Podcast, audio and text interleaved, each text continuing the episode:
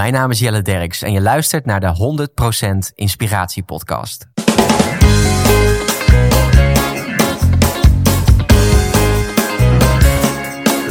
Hey, wat goed dat je luistert. Hij staat weer voor je klaar.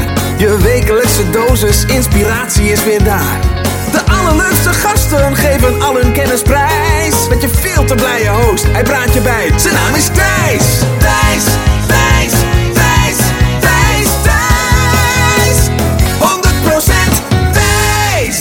Lieve luisteraar, dit is weer een kerstverse nieuwe aflevering van de 100% Inspiratie podcast. En wel nummertje intens 110 met Jelle Derks.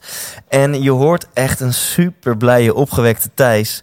Want ja, ik weet niet wat er is gebeurd, maar afgelopen week heb ik ehm, alle charts verbroken. In elk geval mijn persoonlijke charts.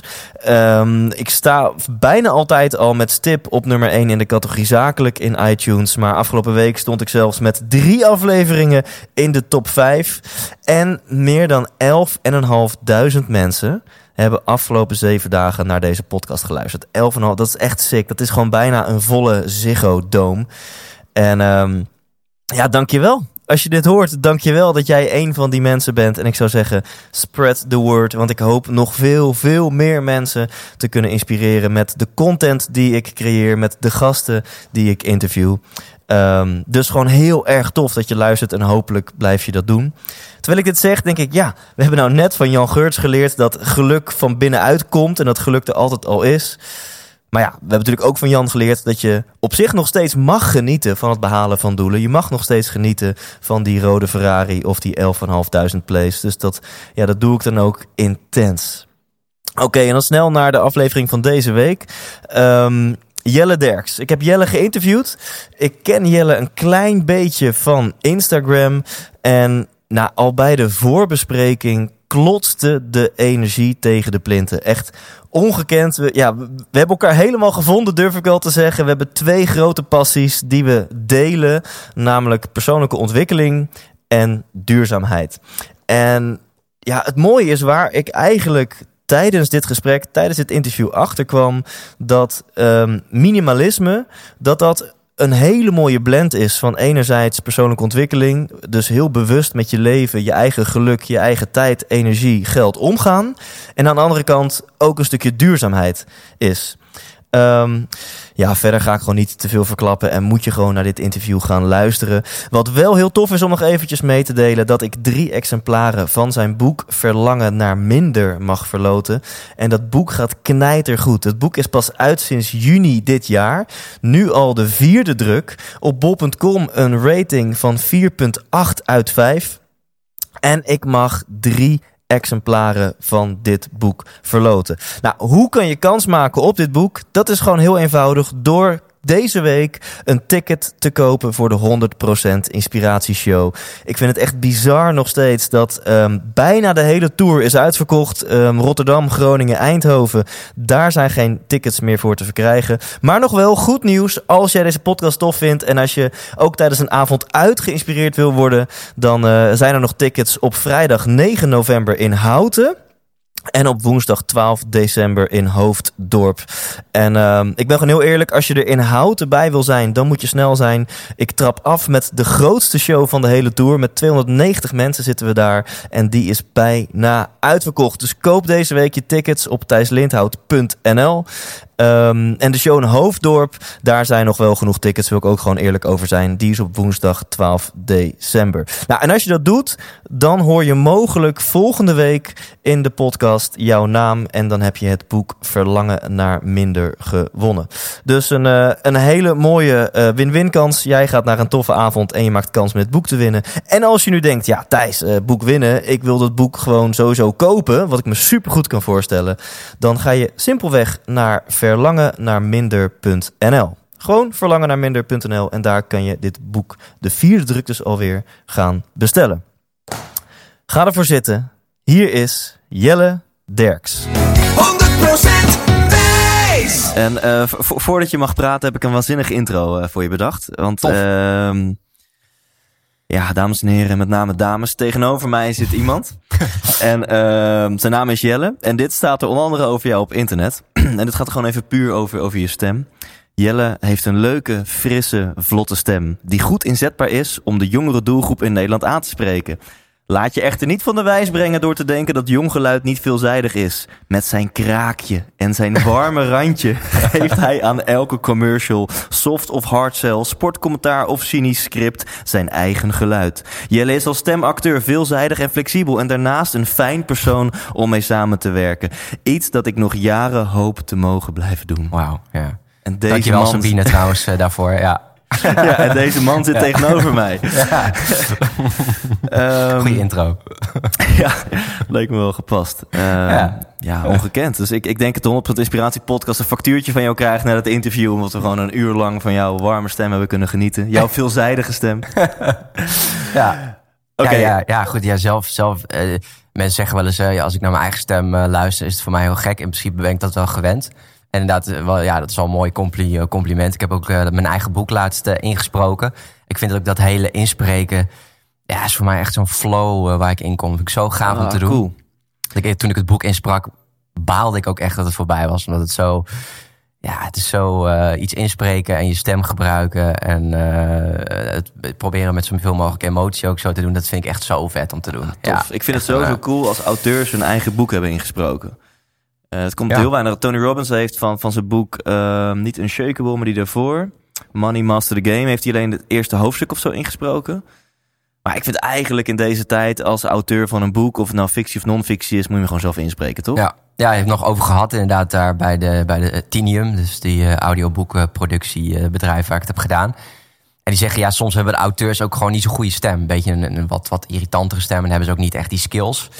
Maar eh, het is fantastisch natuurlijk om je eigen verhaal in te kunnen spreken.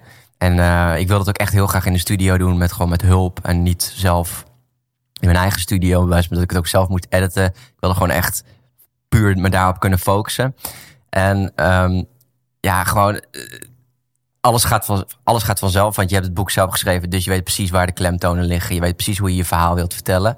Dus het was echt, ging echt super snel. Ik heb het in drie dagdelen ingesproken.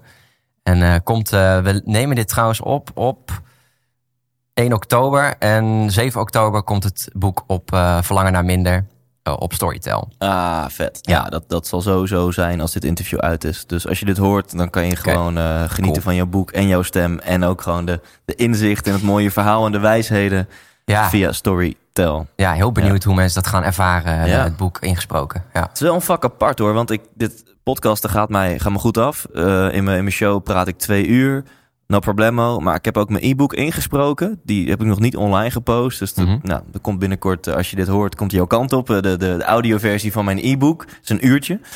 Ehm, maar ik, ik vond het lastig, man. Ik merkte wel dat ik, dat ik heel snel in de hoge ademhaling zat. En dat ik na, na drie alinea's back-off was. Mm.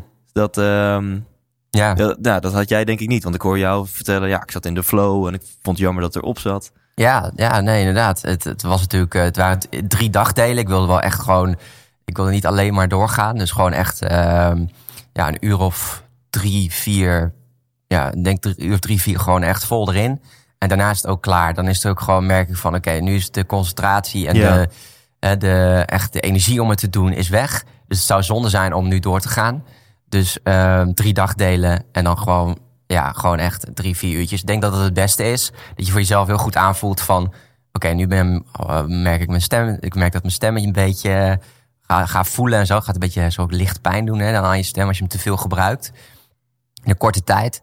En eh, oké, klaar. Morgen weer een dag. Ja. Goed slapen en weer dan weer. En dat heeft het boek echt, of dat in ieder geval het, in, het ingesproken boek heeft het zeker goed gedaan. Ja, ja. Tof. Ja, Ja, en leuk dat je er bent, man. ja. Ehm, leuk wij- het te ontmoeten, man. Ja, want wij kennen elkaar niet eigenlijk. Eh, we zijn natuurlijk allebei eh, Insta-famous. Nou, eigenlijk niet waar. Jij bent Insta-famous. ik, ik probeer een beetje mee te doen. Ja. En eh, Insta-famous is net zoiets als heel veel geld bij Monopoly hebben, las ik laatst.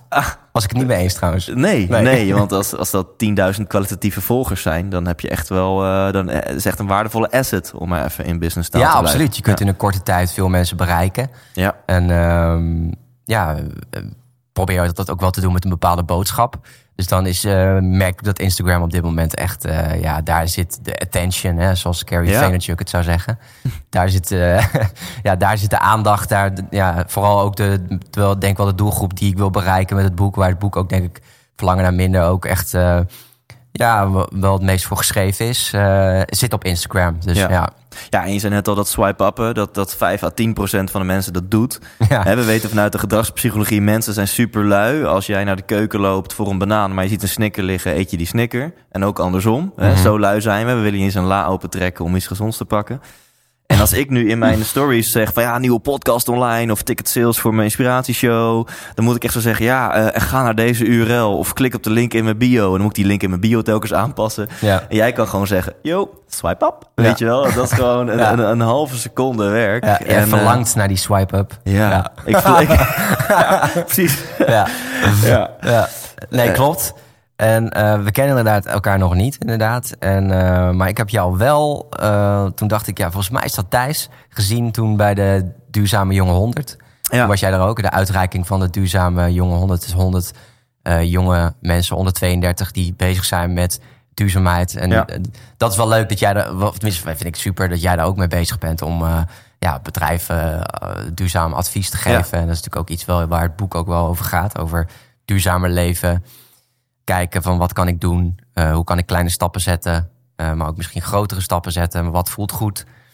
Ja, ook leuk om het daarover te gaan hebben. Ja, Ja. absoluut. Dat, Ja. Weet je wel, ik denk persoonlijke ontwikkeling, duurzaamheid zijn twee passies van ons. Absoluut. Ja. En ik denk binnen minimalisme komen die twee werelden ook heel mooi samen. Mhm. Ehm, en ik denk ook waar ik voor predik is, is leef bewust. Weet je, maak bewuste keuzes. En in eerste instantie in je eigen groei, ontwikkeling, wat, wat wil je doen, waar word je gelukkig van.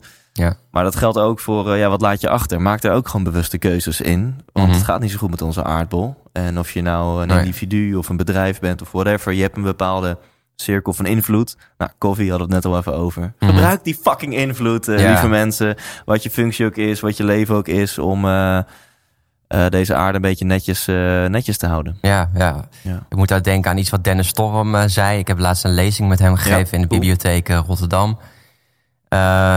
Hij had op een gegeven moment had hij zo van ja, wie, eh, wie poetst zijn tanden gewoon met de kraan open en de kraan weer dicht? Nou, ik, ik weet niet hoe jij dat doet. Doe je het, eh, Ik- ik- Toen ik heb dat een keer eerder gehoord, ik dacht, hè, zijn er mensen die Ja. de kraan twee minuten open laten staan? ja.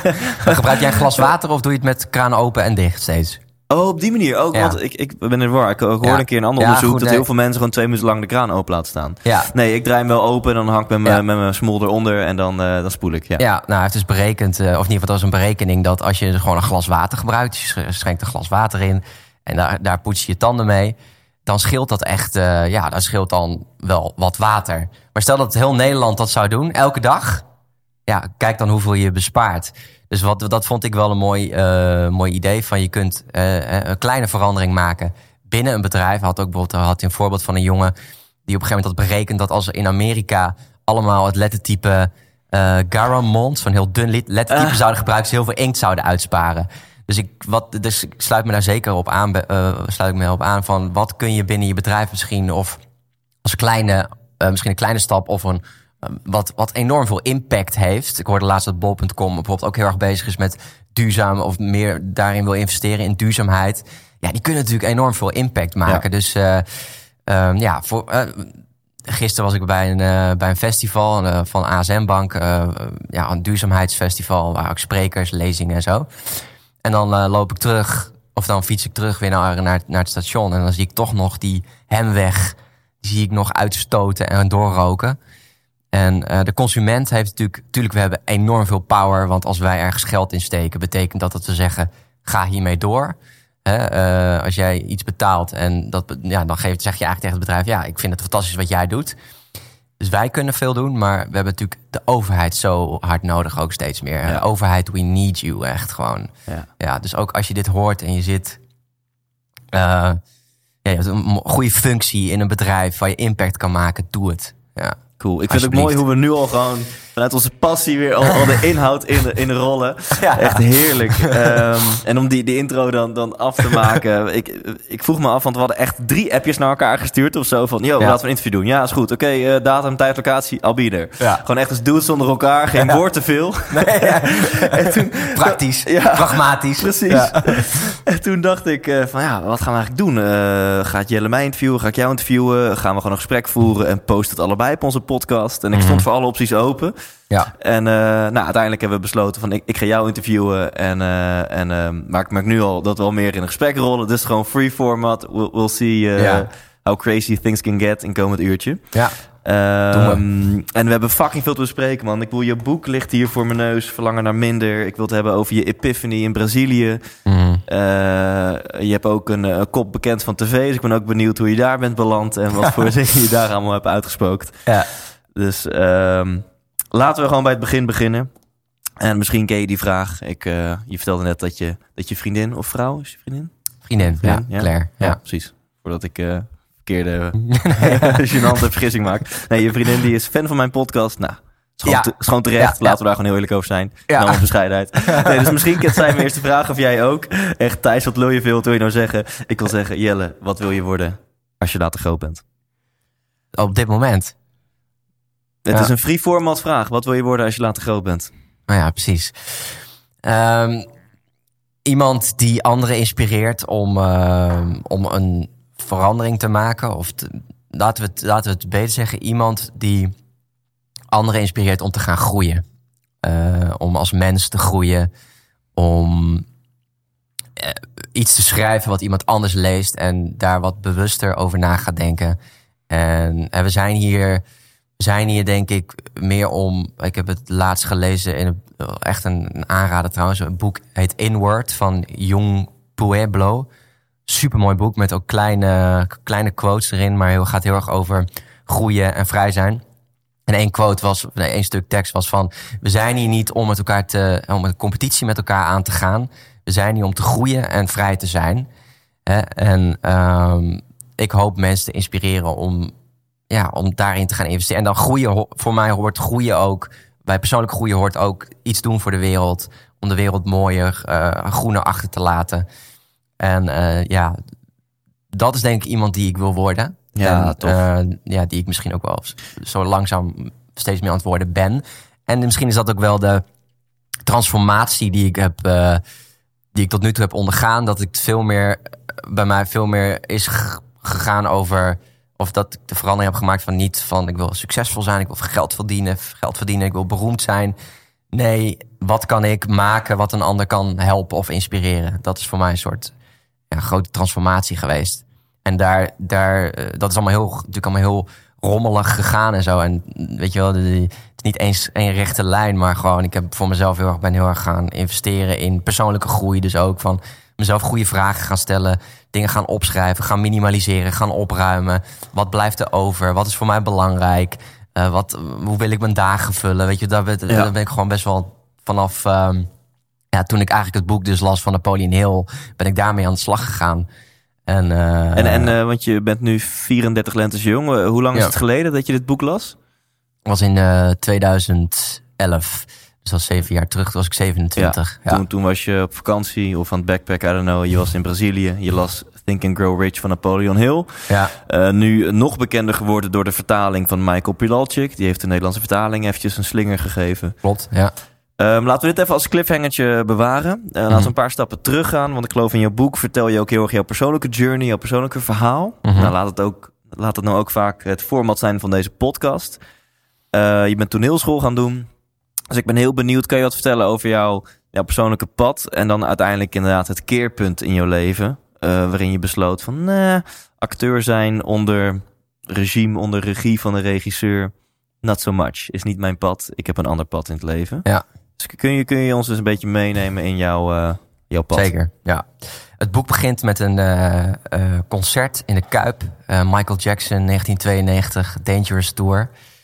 Ik als jong jongetje stond daar met mijn vader. Mijn vader nam me mee naar het concert. Pap, daar nog, daarvoor nog enorm bedankt. Want het was de, de, het moment uit mijn leven, eh, of uit mijn jeugd... eh, dat ik daar Michael Jackson eh, zag. Hij zong nummers, hè, Man in the Mirror, Heal the World. Echt zijn ja, nummers op dat moment heel bekend waren.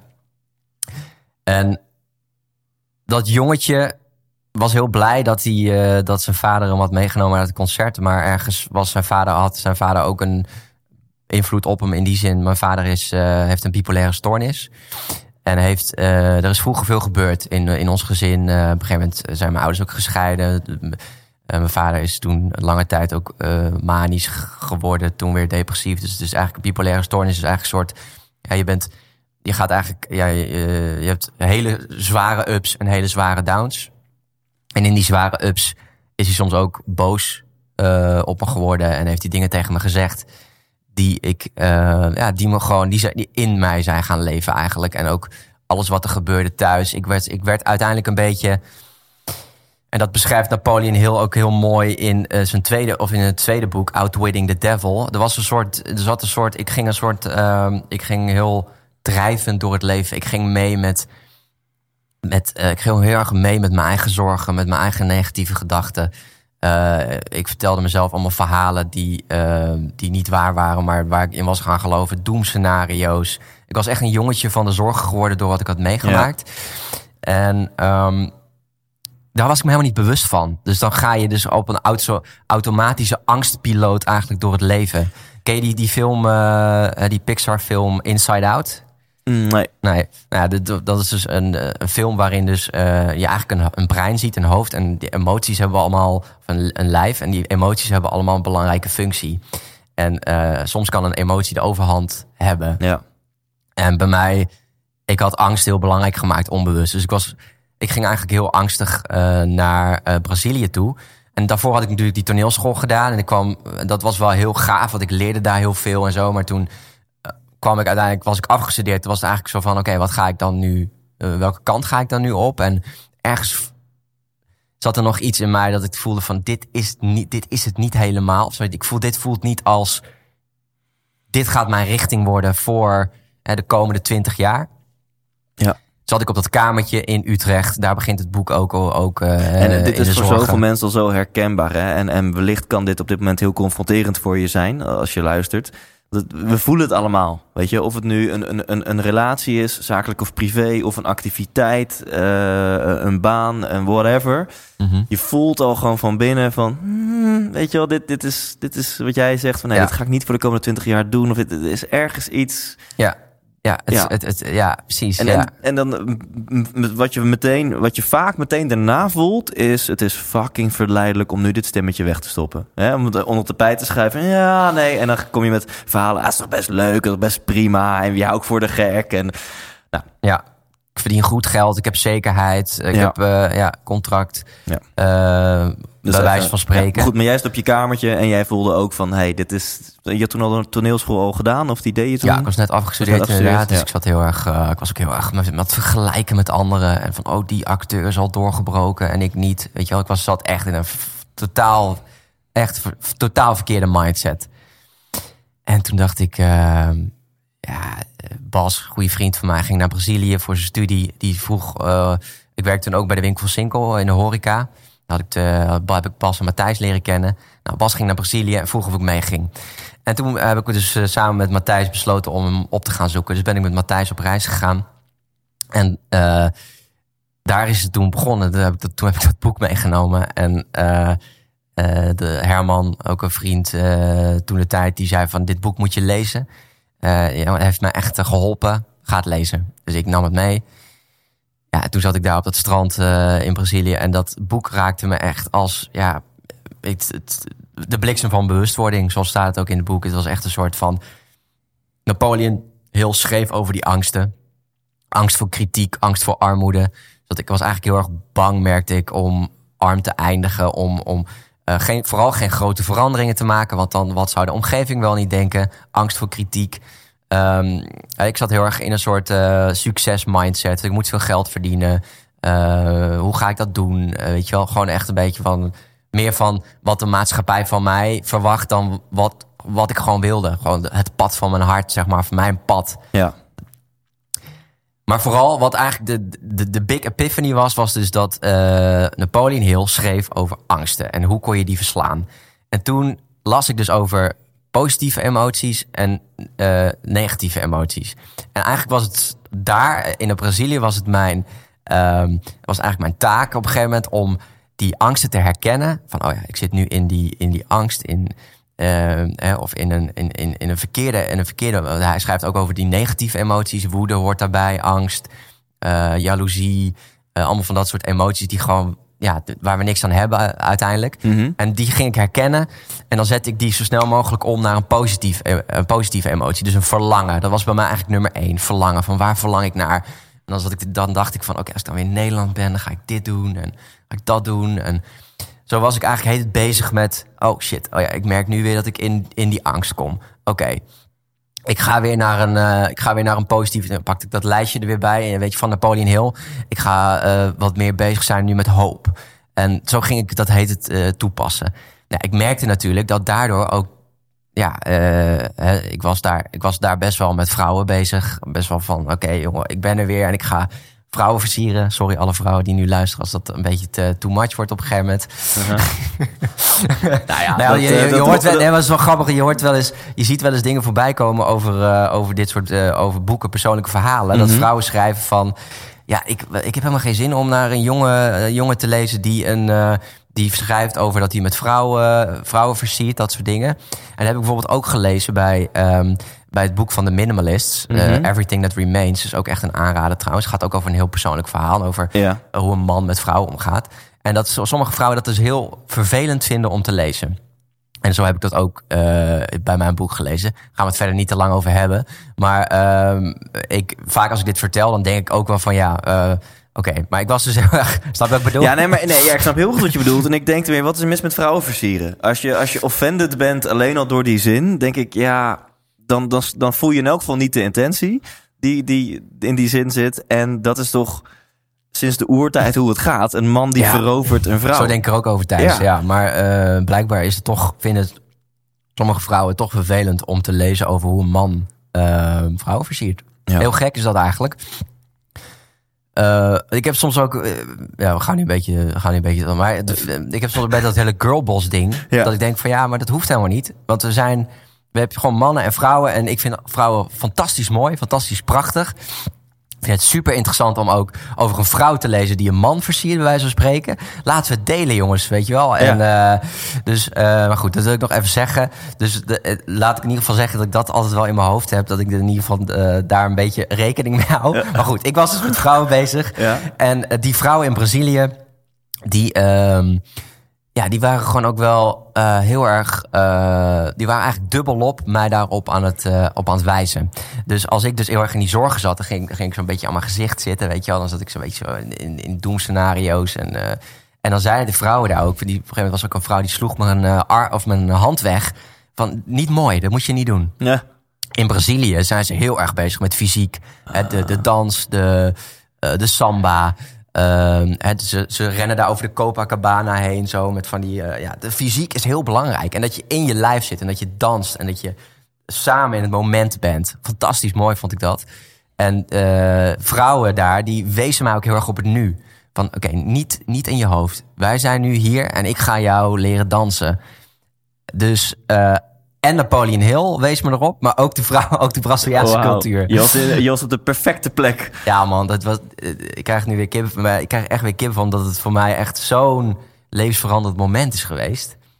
En ik met zoveel power terugkwam in Nederland. En dus ook familie dacht, of ja, vrienden wel dachten, "Ah, Jelle wordt ook manisch, net zoals zijn vader. Oeh. Weet je wel, van eh, gaat de verkeerde kant op.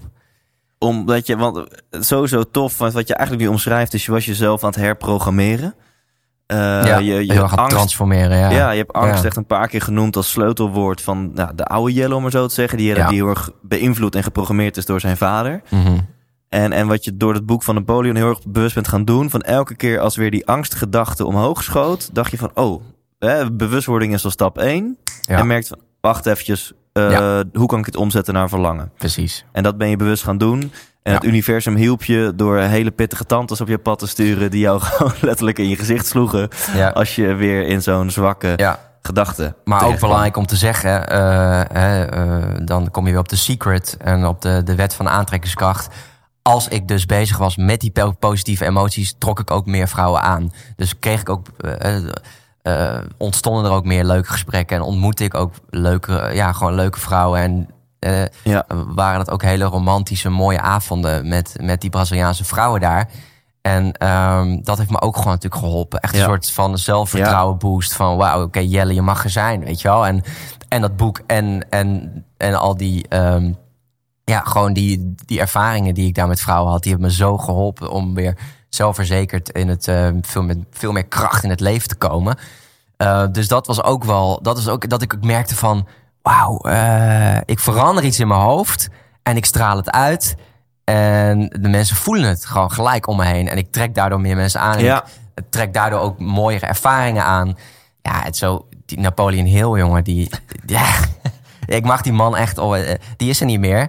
En dat is uiteindelijk misschien ook de, de, een nieuwe drijfveer van mij geworden. Om, het boek ligt nu, het boek ligt nu eh, hier naast je, maar dat als ik er straks niet meer ben, ik heb er geen reet aan. Hè? Als, ik bedoel, ik ben gewoon dood en dan ben ik dood. Maar dat ik toch eh, iets heb achtergelaten wat mensen misschien over honderd jaar nog steeds Ja. lezen. Ja, cool. En, en om Ja. even in te gaan op wat je net zei, dat vind ik zo mooi. of dat, dat vind ik mooi aan dit verhaal. Je werd meteen positief, werd je beloond met je nieuwe gedrag. Want je Exact. merkte van, Ja. hé, hey, er komt meer positiviteit, andere mensen, andere reacties. En Ja. dit is even personal development 101, maar dat kan niet vaak genoeg gezegd worden. Want je kan het heel zweverig benaderen, maar ook heel wetenschappelijk. Het is gewoon zo, de overtuigingen die jij in je kop hebt, dat stemmetje. eh, ik heb er vaak dingen over gelezen, hoeveel tienduizenden of miljoenen dingen je op één dag tegen jezelf zegt. Hè, dat beïnvloedt gewoon hoe jij je voelt. Jouw Ja. state of mind, jouw staat van zijn. Dat beïnvloedt hoe je uit je ogen kijkt, hoe je lichaamshouding is, wat je zegt, hoe je reageert op anderen. Dat beïnvloedt of jij bij iemand in de file denkt, wat een lul. Of, oh, hij zal zich wel vergissen. Ik noem maar even een voorbeeld. Ja, ja, ja, ja, ja. En omdat jij anders kijkt, anders doet, anders voelt, anders praat, anders contact maakt met mensen, is het gewoon fucking logisch en gewoon wetenschappelijk te onderbouwen eh, dat dan andere dingen op jouw pad gaan komen. Want je, je, zendt gewoon hele andere signalen uit. ja. En als je wil, kan je het ook heel zweverig benaderen van hey, je zit in een andere trilling en een andere energie en dat trekt weer andere. Nou, volgens mij allebei waar. Uh, Mhm. Maar even dus dit zijweggetje, personal development 101. Echt gewoon de gedachten in je kop, de overtuigingen. Ja. Of je positief of negatief denkt, dat straalt zich uit in alles. En dat verandert alles in je leven. Absoluut, ja. Ja, helemaal waar. En eh, Brazilië is natuurlijk een, een, ook best wel een eh, ja, on- onveilig land soms. Ik had ook op een gegeven moment een moment eh, dat ik samen met Isabel, heet ze, terugliep rond een uur of half zes. Dat er echt een man naar ons toe kwam. Die kwam echt met, die liet echt zo'n wapen zien van, weet je ik ga jullie nu beroven. En zij, ehm, ja, dat was wel mooi om te zien hoor. Zij, zij ging echt met, met haar Braziliaanse, Portugese vuur ja, die vlammen kwamen uit de mond. was zo kwaad op hem. En zei van, ik kom hier uit dit, uit dit dorp. En jij durft mij hier te proberen te... En hij droop echt af. Als ik haar niet bij me had gehad... dan was ik misschien, ja... had hij me misschien mes op de keel ge- gelegd. Maar dat was voor mij ook weer zo'n teken. Dat ik dacht van, ja... ik heb gewoon mensen om me heen aangetrokken... die dit doen. Ja. Weet je wel? En... ehm, en ehm, ja, daardoor eh, maak ik... Natuurlijk, er kan altijd iets gebeuren. Ik bedoel, er kan altijd, bedoel, uiteindelijk kun je ook pech hebben, denk ik. Maar ik denk dat je heel veel kunt sturen door je eigen state of mind. En inderdaad, wie, ja, wie je ook om je heen verzamelt. Ja. Ja, Hey, en toen, want je hebt een aantal bruggetjes al gelegd. eh, toen kwam je terug. En eh, nou, we hadden het net over dat je positief beloond werd. Maar nu ineens in Nederland werd je negatief beloond. Want dacht jouw omgeving, oh shit, Jelle wordt ook manisch. We moeten uitkijken. Hoe, eh, hoe ging je daarmee Ja. om? viel mee. Sommige dachten, sommige dachten het wel en waren er een beetje bang voor natuurlijk. Want het zou best wel natuurlijk wel, ehm, ja, dat is wel heftig als dan ook het, als het binnen je gezin dan, ja, dat, dat, dat, dat, dat ik het dan ook krijg, bij wijze van spreken. En dat kan ook. Het is ook genetisch. eh, het is een eh, bipolaire stoornis, is genetisch. Maar ja, ik, was, ik zat inderdaad, ik zat in het begin heel erg in die eigen waarheid van Napoleon Hill. En ehm, dat zul je misschien ook herkennen, dat je iets leest en dat je er zo in zit. Dat je misschien licht, licht obsessed bent door het materiaal. Ja. En daardoor je omgeving een beetje vergeet. Was in Brazilië ook zo. Eh, ik heb toen ook eh, naar mijn vrienden ook dat ik later dacht van hmm, had ik dat wel moeten doen. Want ik was heel erg, heel erg met mezelf of met mijn eigen groei bezig. Het is ook een, het is ook een, een stuk in het, of een quote in het boek. En dat soms moet je soms moet je egoïstisch zijn. Dat is niet. eh, dat is, of soms, Ja. soms moet je heel erg je eigen groei belangrijk maken. Dat is niet egoïstisch, dat is gezond. Want op dat moment was voor mij mijn eigen groei zo belangrijk. En helaas ging dat dan een beetje ten koste van onze vriendschap op dat moment. Want we hadden op dat moment ook wel een beetje af en toe dingen van... Ja, Jelle, moet je nou weer met die eh, vrouw gaan, eh, gaan Delta vliegen over Rio de Janeiro? Of gaan we nou weer eh, gaan we, gaan we nu een vlucht nemen? En ik was dus heel erg ja, met, met, met die vrouwen bezig. En met, dat, en met, het, met die nieuwe kracht vinden. En ehm, daar dacht ik later ook wel over van... Ja, Jelle, dat had je anders kunnen doen. Maar dat was... Ik kan dat voor mezelf heel goed... ehm, ja, het, het was zo, gewoon op dat moment het allerbelangrijkste om te doen. Ook voor mijn eigen welzijn. En ik heb ook die, met die jongens ook, er ook nog over gehad. En eh, ja, gewoon ook gezegd van ja, weet je wel, het was gewoon een sorry daarvoor. Weet je wel, ik was toen ook eigenlijk eventjes... Ik was heel erg mezelf. Maar ik was ook best wel een beetje obsessed door wat ik had ontdekt. En eh is, ook, is gewoon ook oké. Maar dus in Nederland ging dat, eh, ging dat een beetje zo. Langzaam landde ik weer. En eh, werd het ook weer gewoon veel meer down to earth. En ehm, het was in die zin niet zo erg dat, dat mensen echt, dat het echt, eh, ja, mensen echt bang waren van, wow, hij heeft het echt. Maar het is toen wel een klein beetje soms ter sprake Ja, gekomen. ja. Maar dat had dus heel erg te maken met het materiaal wat ik dus had ontdekt. En daar ging ik dus mee door. Ik ging dus ook zelf, ik ging dus nog meer lezen. Ik ging Stephen Covey lezen. Eh, ik had mijn kamer in Utrecht opgezegd. En ik ging bij mijn vader wonen een tijdje. Want ik vond dus van, ja, ik wil gewoon ook die band met mijn vader alweer meer versterken. En ik lag daar met zijn, ehm, eh, eh, op, zijn op, gewoon op zijn bank. En het is wel grappig, soms dan, of ja, grappig is het eigenlijk niet, maar ik hoor soms ook over minimalisme wel eens het, dat mensen zeggen van ja, minimalisme is eigenlijk alleen voor westerse mensen. Hè? Dus mensen die in overvloed leven, die heel veel hebben en dus kunnen opruimen. Die niet gedwongen met eh, minder moeten doen. Dus niet mensen die niet ar- arm zijn, echt arm zoals we armoede kennen. En eh, ik heb daar wel eens wat geprobeerd over te schrijven, maar ik merk ook dat ik dat niet moet doen, omdat ik niet weet hoe het echt is om echt niks te hebben. Weet je wel, om Ja. echt gewoon dakloos Ja. te zijn.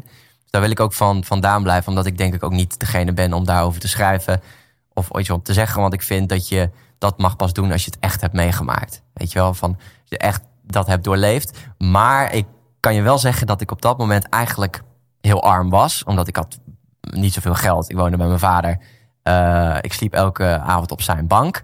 Maar qua geest was ik zo rijk. En dat is het belangrijkste. Weet je wel, dat je. Je kunt zo qua materiaal kun je zo arm zijn, bij wijze van spreken. Maar je, als je in je geest rijk bent, ja, dat is alles. Weet je Ja. wel, dat, dan, maakt, eh, dan maakt materie zo weinig uit. Absoluut, ja. En, eh, dus ik was op dat moment eigenlijk heel rijk, terwijl ik heel arm was. En ik was alleen maar aan het lezen. Alleen maar eh, Stephen Covey, Rich Dad Poor Dad, Rijke Pa, Arme Pa. Eh, en ik schreef dus die persoonlijke missie uit het boek van Stephen Covey. En dat is eigenlijk een soort document waarin je heel erg gaat kijken naar waar wil ik naartoe. Dus Begin with the End in Mind is een hoofdstuk. En je Ja. schrijft een persoonlijke missie. Je gaat nadenken over van wat wil ik dat mensen over me zeggen als ik er niet meer ben. Ik schreef een soort document. en toen, weet ik nog heel goed, toen las ik s'nachts ineens over. Ik was heel erg aan het googelen ook natuurlijk naar personal development blogs en noem het allemaal op. Toen kwam ik op een blog van Leo Babauta, zenhabits.net. En hij schreef over simplifying your life. En ehm, twee dingen, twee puntjes. Identify the essential and eliminate the rest. En ik had natuurlijk net voor mezelf een soort richting gekozen. Van deze kant wil ik op. En ik wil zelf ook een blog beginnen. En ik wil eigenlijk misschien ook wel dat gaan... Ja, dat, dat, dat kan ik zeker zeggen. Ga, dat gaan proberen wat Napoleon Hill bij mij heeft gedaan. Een soort verandering. Ja. Dat, iemand, dat ik iemand iets mee kan geven... die dan vervolgens echt gaat groeien. En, ja, en eh, even, want je zegt heel veel met heel weinig woorden. Het is dus identify the essential Ja, and eliminate the rest. ja, ja, en dat is eigenlijk waar minimalisme voor mij over gaat. Ja, en ik denk als mensen die even laten, laten berusten, dan, dan, dan dat, dat schijnt. We gaan het uitgebreider hebben over minimalisme in de Mhm. rest van dit interview natuurlijk. Maar als je alleen al die zin laat berusten, identify the essential and eliminate the rest. Dat, dat schijnt al een heel ander licht op het woord minimalisme. Dan denk je al van wow, dat, dat Hmm. voelt dan als focus, dat voelt als clarity, dat voelt als purpose. Ja. Ja. In plaats van wat misschien sommige mensen of, of rechtse mensen denken... ja, minimalisme, duurzaamheid is versoberen, minder water, kleiner lettertype. Die voor, weet je? Ja, ja, ja. Nee, het is iets super moois. Ja, ja, precies. Het is heel erg aanwezigheid in plaats van afwezigheid. Het is juist de aanwezigheid van wat, wat er voor jou echt belangrijk is. Wat je mooi vindt, wat je, wat je dient, wat je echt gebruikt. En dat om je heen hebben, ja. Zowel in spullen, maar ook als afleidingen, verplichtingen, eh, uitgaven. Spelen spelen natuurlijk ook een rol.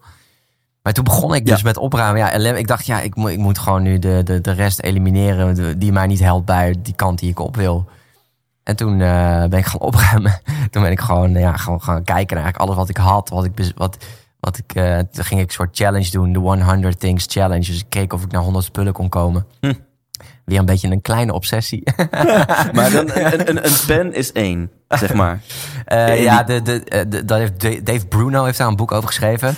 Eh, De 100, de 100 Thing Challenge. En eh, alles telt mee, behalve brieven, ondergoed, eh, dagelijkse spullen zoals pennen. Inderdaad, telt niet, omdat het iets is wat je dagelijks gebruikt. Zoals tandpasta en zo.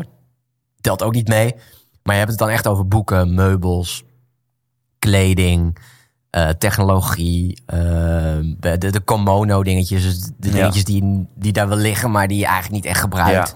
Weet je wel, dat soort dingen. En dan even een persoonlijk vraagje. Is een drumstel dan één item? Want ik denk dat mijn drumstel al wel uit honderd verschillende delen bestaat. Die zou ik rekenen als één, eh één drumstel. Ja. cool. Ja.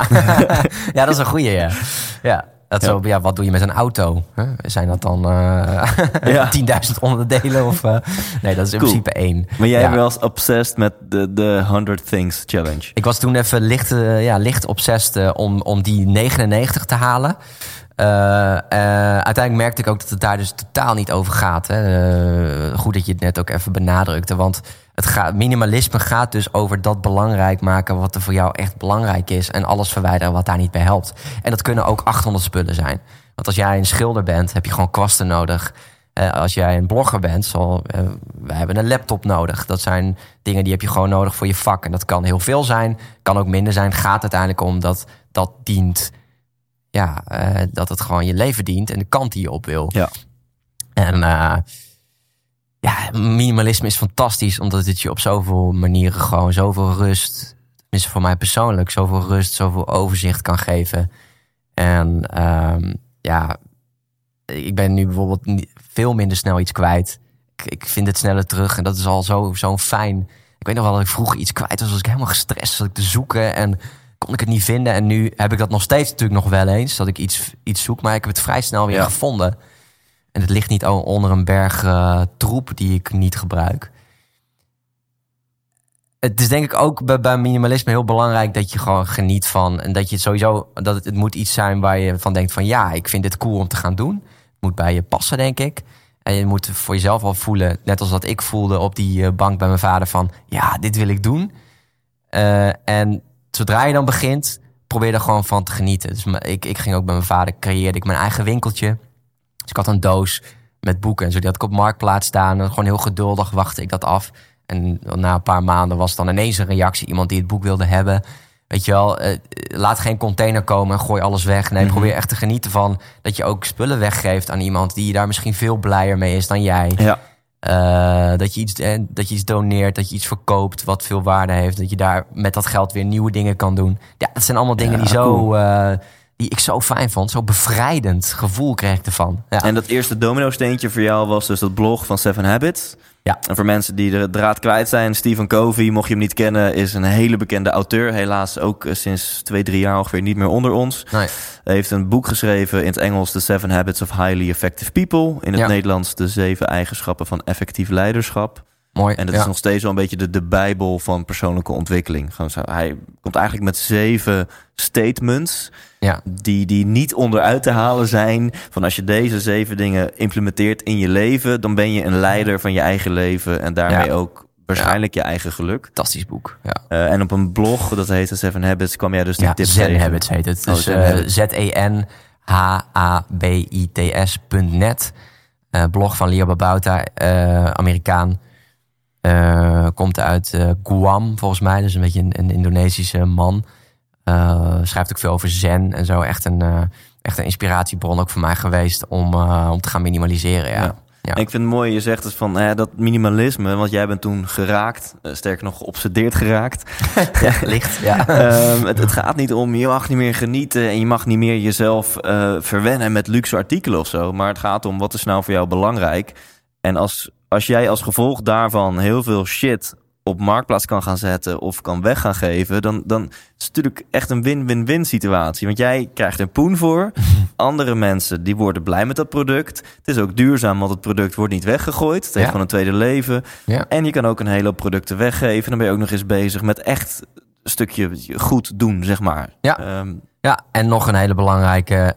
Je gaat bewuster nadenken over wat je nog wel gaat kopen. En dat is eigenlijk, kwam ik later achter, eh, toen ik het boek van Babette Porcelein eh, las, De Verborgen Impact. Dat spullen kopen eh, ook gewoon heel vervuilend is. de verborgen impact gaat over de impact die we niet zien. dus een stekkertje wat je uit het stopcontact haalt, zorgt voor minder energie. Dat is impact die we direct kunnen zien. Maar de verborgen impact is eigenlijk alles wat daar nog achter zit. En dan hebben we het dus over al die spullen die met zeecontainerschepen van China hier naartoe worden vervoerd. Al dat speelgoed, om het zo maar eens te noemen. En dat kost ook allemaal, ja, dat kost ook allemaal CO2-uitstoot. Zo stoten bijvoorbeeld de 16 grootste zeecontainer, de 16 grootste zeecontainerschepen ongeveer evenveel CO2 uit als alle auto's op de wereld bij elkaar. Nou ja, dat soort, toen ik dat soort cijfers ook zag van wow, damn, wat, wat, spullen zijn zo, hebben zo'n impact op deze wereld. En we hebben het zo niet logistiek ingedeeld. Maar ook vlees. Hè, ook vlees heeft een enorme impact. Dus als je al stopt met minder kopen, minder vlees kopen en minder spullen kopen. En veel bewuster gaat kopen en tweedehands probeert te kijken. En ook langer met je spullen doet. Dan ben je eigenlijk ook al veel groener en ja. uh, duurzamer aan het leven. Ja, en als mensen het leuk vinden om hun kids hierin op te leiden of te inspireren. Een hele toffe film, The Age of Stupid. Is misschien al wel weer tien jaar oud. Is net iets na An Inconvenient Truth uitgekomen. Die hele film hoef je niet te kijken, maar er zitten een paar tekenfilmpjes in. Waarin ze op een hele leuke kinderlijke wijze uitleggen wat we nu met z'n allen aan het doen zijn. Uh, water uit een fles, wat dat is qua impact versus water from the tap, gewoon uit de kraan. Mhm. En één filmpje, daar moet ik er nu aan denken, leggen ze echt op een kinderlijke manier uit van oké, okay, uh, we kopen hier echt goedkope meuk bij de Action, bij de whatever, Walmart in Amerika.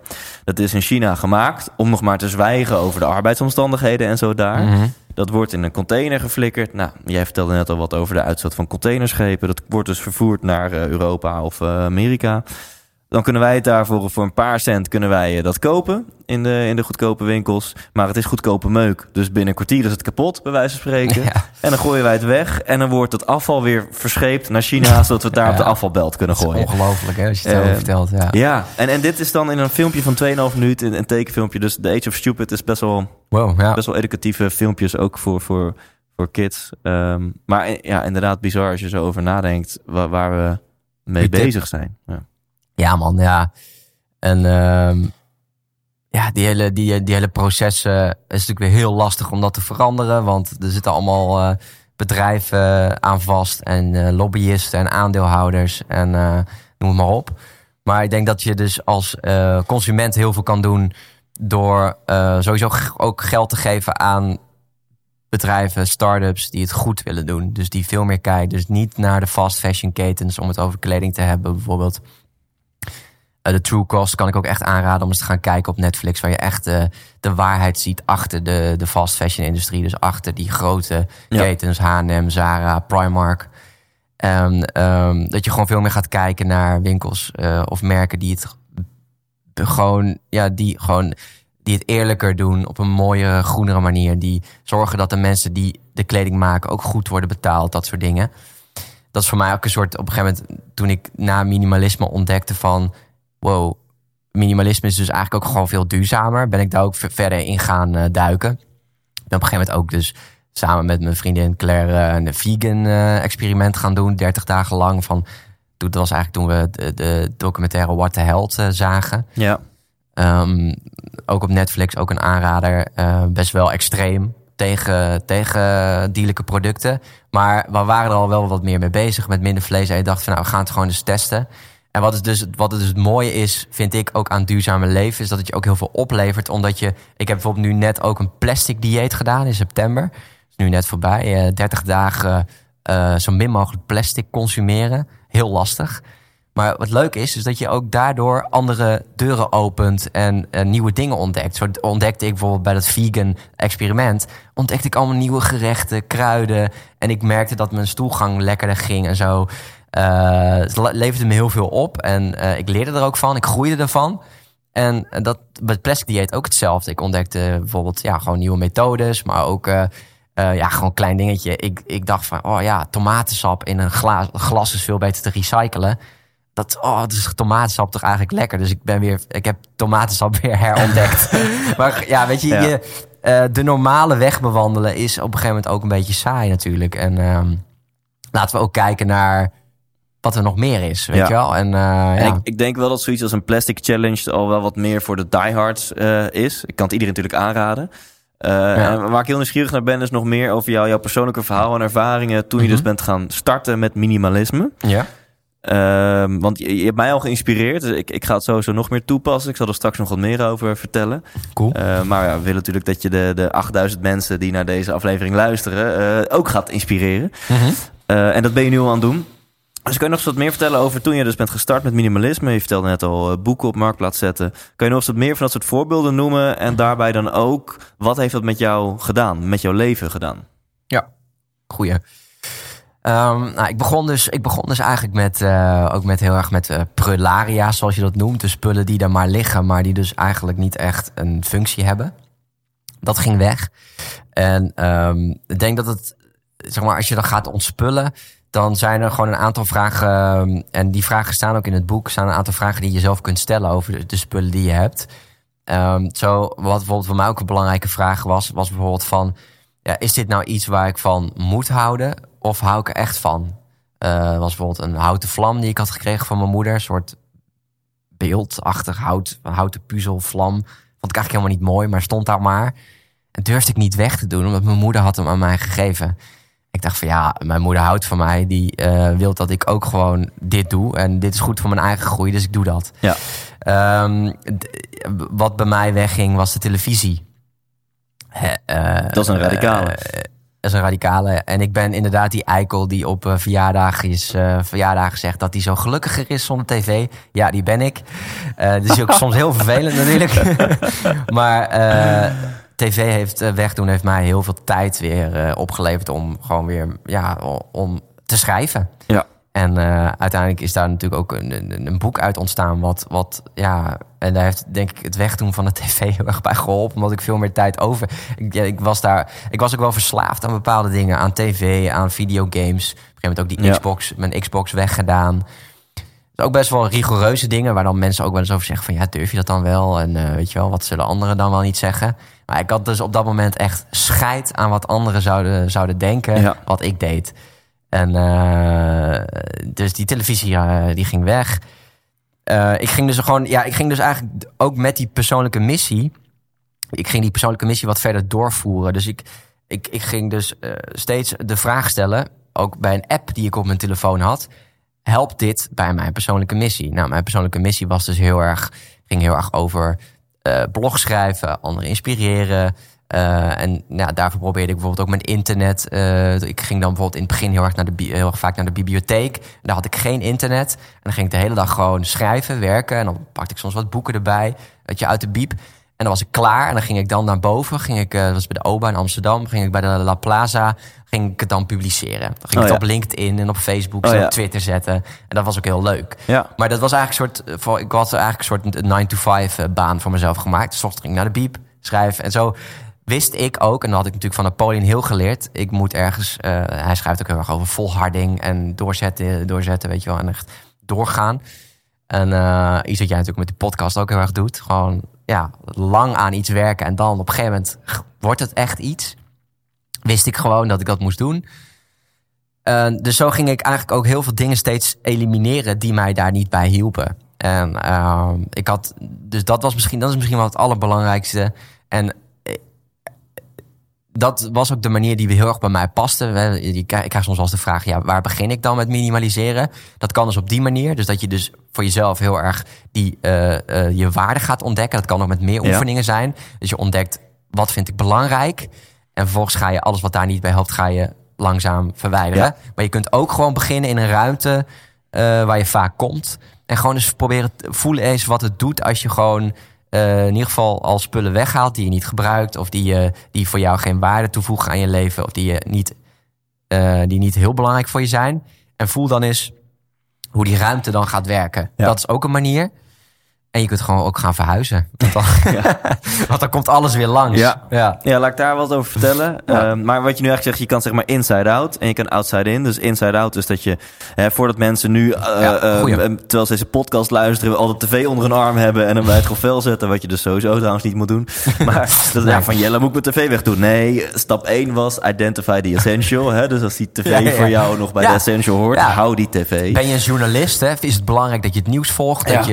je, is een tv misschien heel belangrijk? Ja, ja. dus, Dus, eh, eh, mijn ja. drumstel mag blijven. Absoluut, man. Ja, ja. En, en, en, maar goed, als dat voor jou lastig is, want dat is best een opdracht. eh, Find your purpose. What is your mission? Weet je dus, dus identify the essential is nogal een redelijk essentiële levensvraag. Je kan ook Mhm. outside in, ga gewoon in een ruimte staan. Je kantoor, je keuken, je huiskamer, je slaapkamer, whatever. En, en begin gewoon met shit weg te doen. Ja. Die, die, die niet nodig is. Ja. Die, die je in principe geen goed gevoel geeft. Ja, kan bijvoorbeeld ook met uitgaven. Ik ontdekte bijvoorbeeld ook dat, eh, dat een, eh, ik had zo'n eh, Dolce Gusto koffieapparaat gekregen van vrienden. En dan, dan kon ik eindelijk super lekkere koffie eh, thuis maken. Moest Nou, allemaal de van die cups kopen. er vanaf. ik moest allemaal van die cups kopen. En dat was gewoon, ja, dat, ging- dat ging mij gewoon veel meer geld kosten. Ja. Ik dacht van ja, pff, ik heb altijd eh, koffie gewoon uit een koffiezetapparaat eh, met filter. Heb ik altijd super lekker gevonden. gevonden. En ik, ja, ik ben toen gewoon wat gaan kijken over ja, welke uitgaven helpen ook bij die, Ja. weet je wel, dat soort. Dus je kunt het op heel veel manieren toepassen, ook op verplichtingen.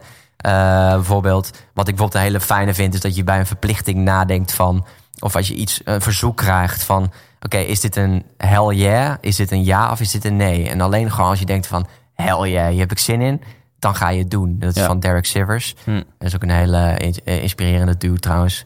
Eh, die heeft ook een heel mooi boek geschreven over ondernemen. Anything You Want. Heel kort boek, maar heel, heel veel staan heel veel gave dingen in. Hij is, ja, het is een heel verhaal, maar hij, hij heeft ook hele mooie lessen. En dat is van hem.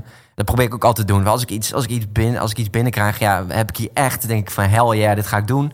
Of eh, Ja. is het een beetje zo net ja, twijfel. En dan vaak is het dan gewoon, is het het dan niet. Ja. Dat is ook dan weer minimalisme, weet je wel. Het is gewoon, ja, En we kennen er veel op toepassen. We kennen allemaal het lekkere gevoel van opruimen. Van vroeger al. Dan moest je van je ouders opruimen, maar dan had je kamer opgeruimd en dan dacht je, wow, dit voelt goed. Ja, en we ja, hebben ja, allemaal wel eens een keer eh, dat dat al jarenlang op je to-do-lijst staat van ja, ik wil een keer mijn huis opruimen of whatever. En een keer op een zondag kom je eraan toe. Ja. Hoe fucking lekker voelt dat aan het einde van de dag? Ja.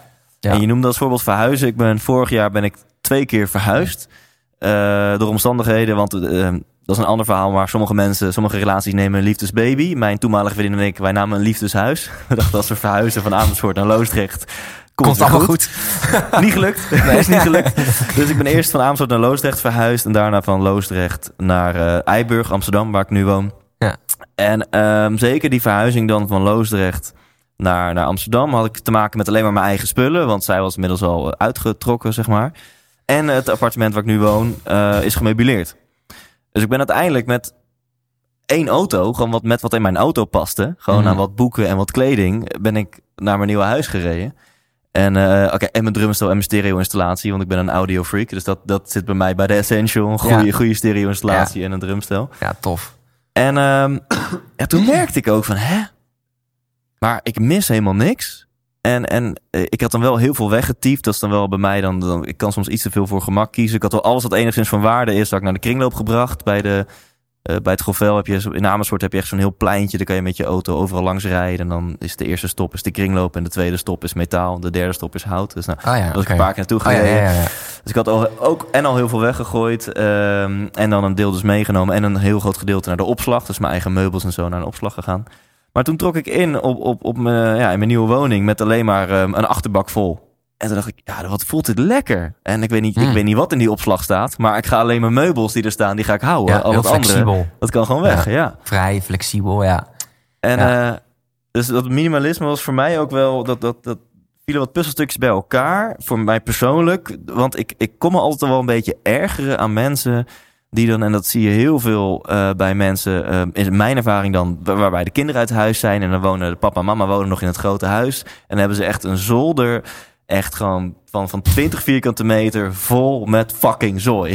Staat er gewoon 20, 30, 40 kuub aan zooi. En ik heb het Ja. altijd een beetje dom gevonden. Van waarom heb je, of een rommelschuur, of een... Ja. En eh, toen dacht ik, ja, dat hoort blijkbaar bij het leven. Blijkbaar heb ik dat straks ook over 20, 30, 40 jaar. Ja, niet normaal hoeveel je verzamelt. Hè? Ja, maar nu heb ik dus zoiets van no fucking way. Zo Nee. iemand word ik dus niet. En zo ga ik mijn kinderen ook opvoeden. Ja, mooi Daar man. heb ik echt geen zin in. Om, om, en het, het voelt niet goed. Het is niet duurzaam. Het, het is verspilling van ruimte, tijd en geld. Ja. Waarom een rommelschuur of rommelzolder, weet je wel? Ja, die zolder kan er eigenlijk af, want het is, eh, het, ja, het Ja. is, eh, ja, die vierkante meter is niet nodig. En, wanneer je lichtje uitgaat, dan staal je je kids op met, met het opruimen van, van het, eh, het huis. Ja, ja dat ook dat is nog, ja. ja.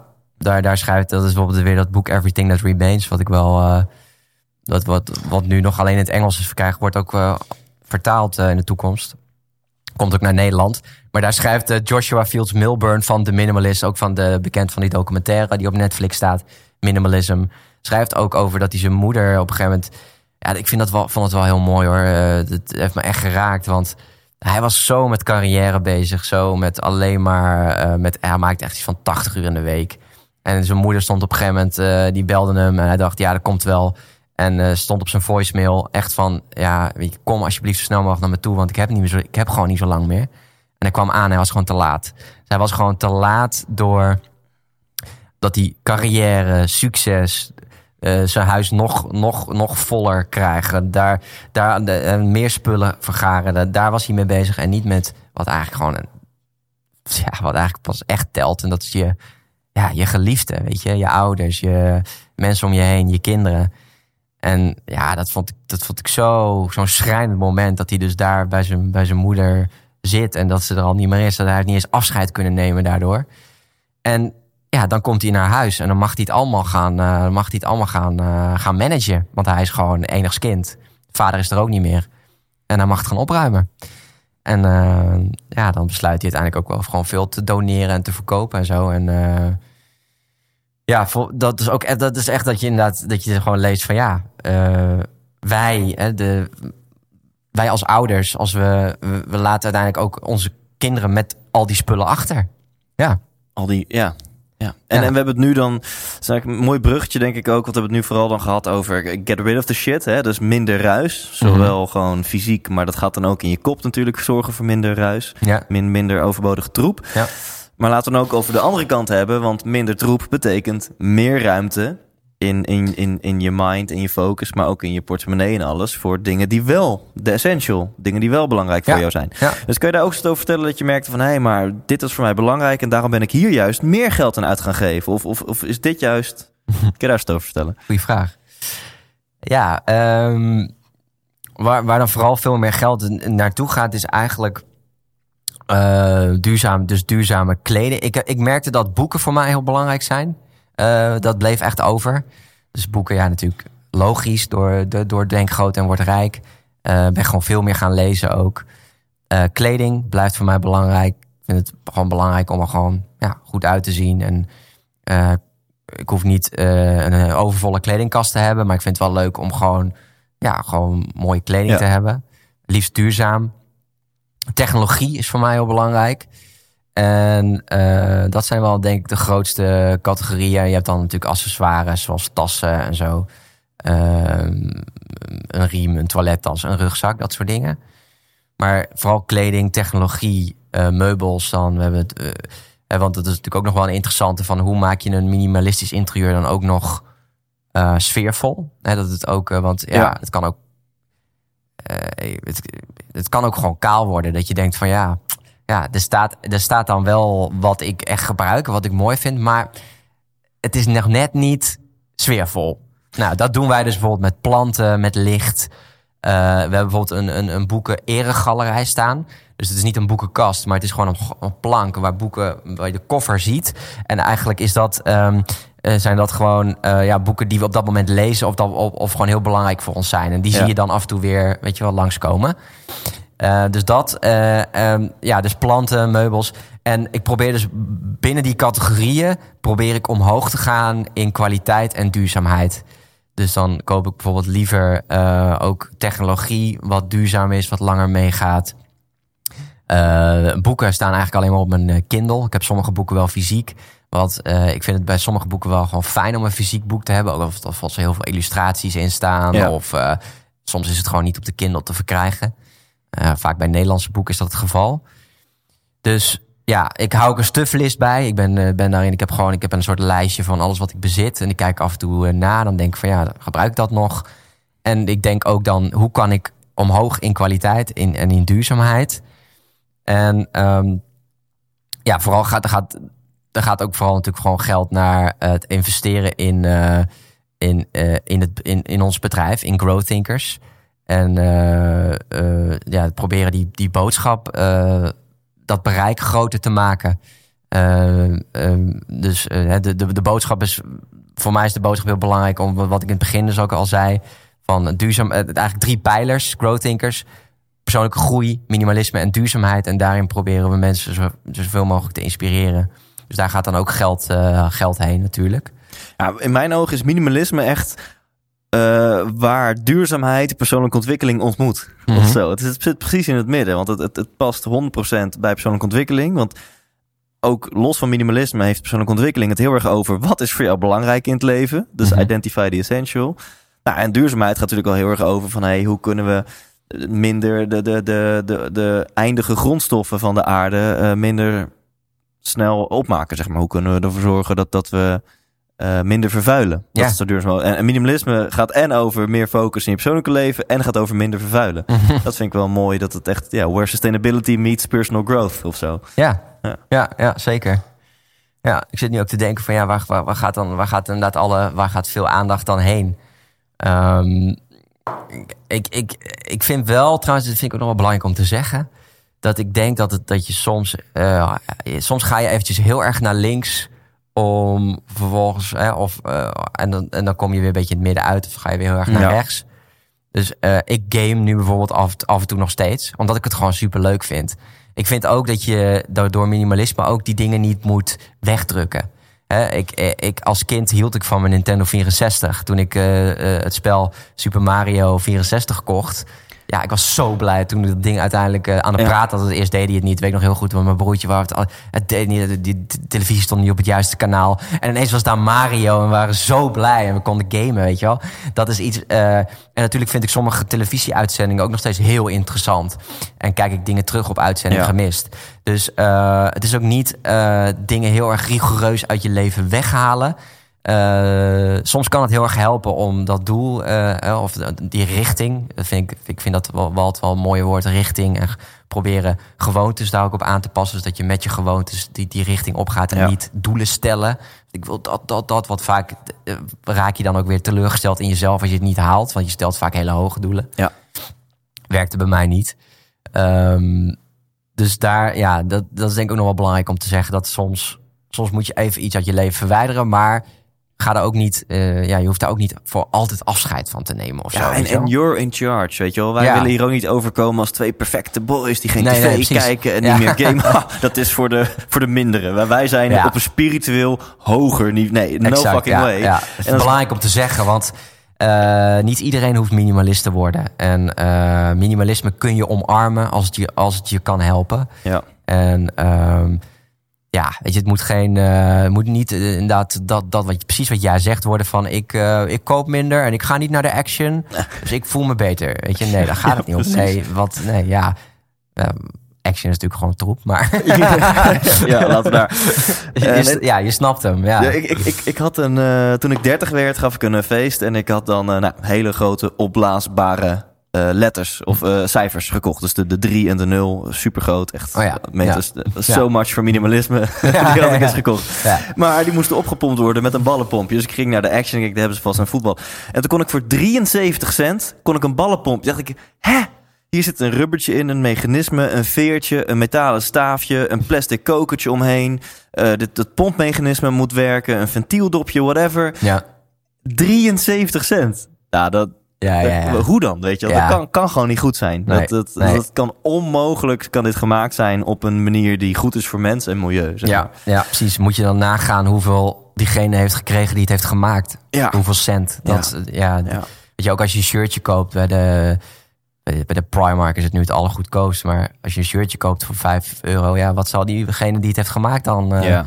gekregen hebben? Want er gaat de hele keten overheen. Hè? Het is echt. eh, ja, er zitten allerlei middelmans tussen. En uiteindelijk eh, moet de, de, degene die het produceert, die, moet dan, eh, die krijgt echt eh, weer zoveel procent. Echt bijna niks. Ja. Dus Ongekend. ja, het is gewoon zo. De, de- sommige dingen. Kijk, weet je, ik houd van Apple. Jij ook, zie ik. Maar dat is gewoon ook niet oké. hoe dat in Congo gaat. Kobalt wordt daar uit de grond gehaald. En er blijft niks van in Afrika. Dat gaat allemaal naar Apple. En die zijn Ja. nu 1 biljoen waard. Dus een bedrijf is nog nooit. eh, ja, ja, what the fuck. Ja, weet je wel? ja, dus, het soms Ja. eh, als je er te lang over nadenkt, dan eh is is het soms niet ook niet goed. Nee. Maar wat je net ook zei over interieur, ehm ja, tuurlijk, hang fucking schilderijen aan de muur, maar maak een mooie huiskamer. Mhm. Maar ehm, ik woon op de, op de dijk op Eiburg.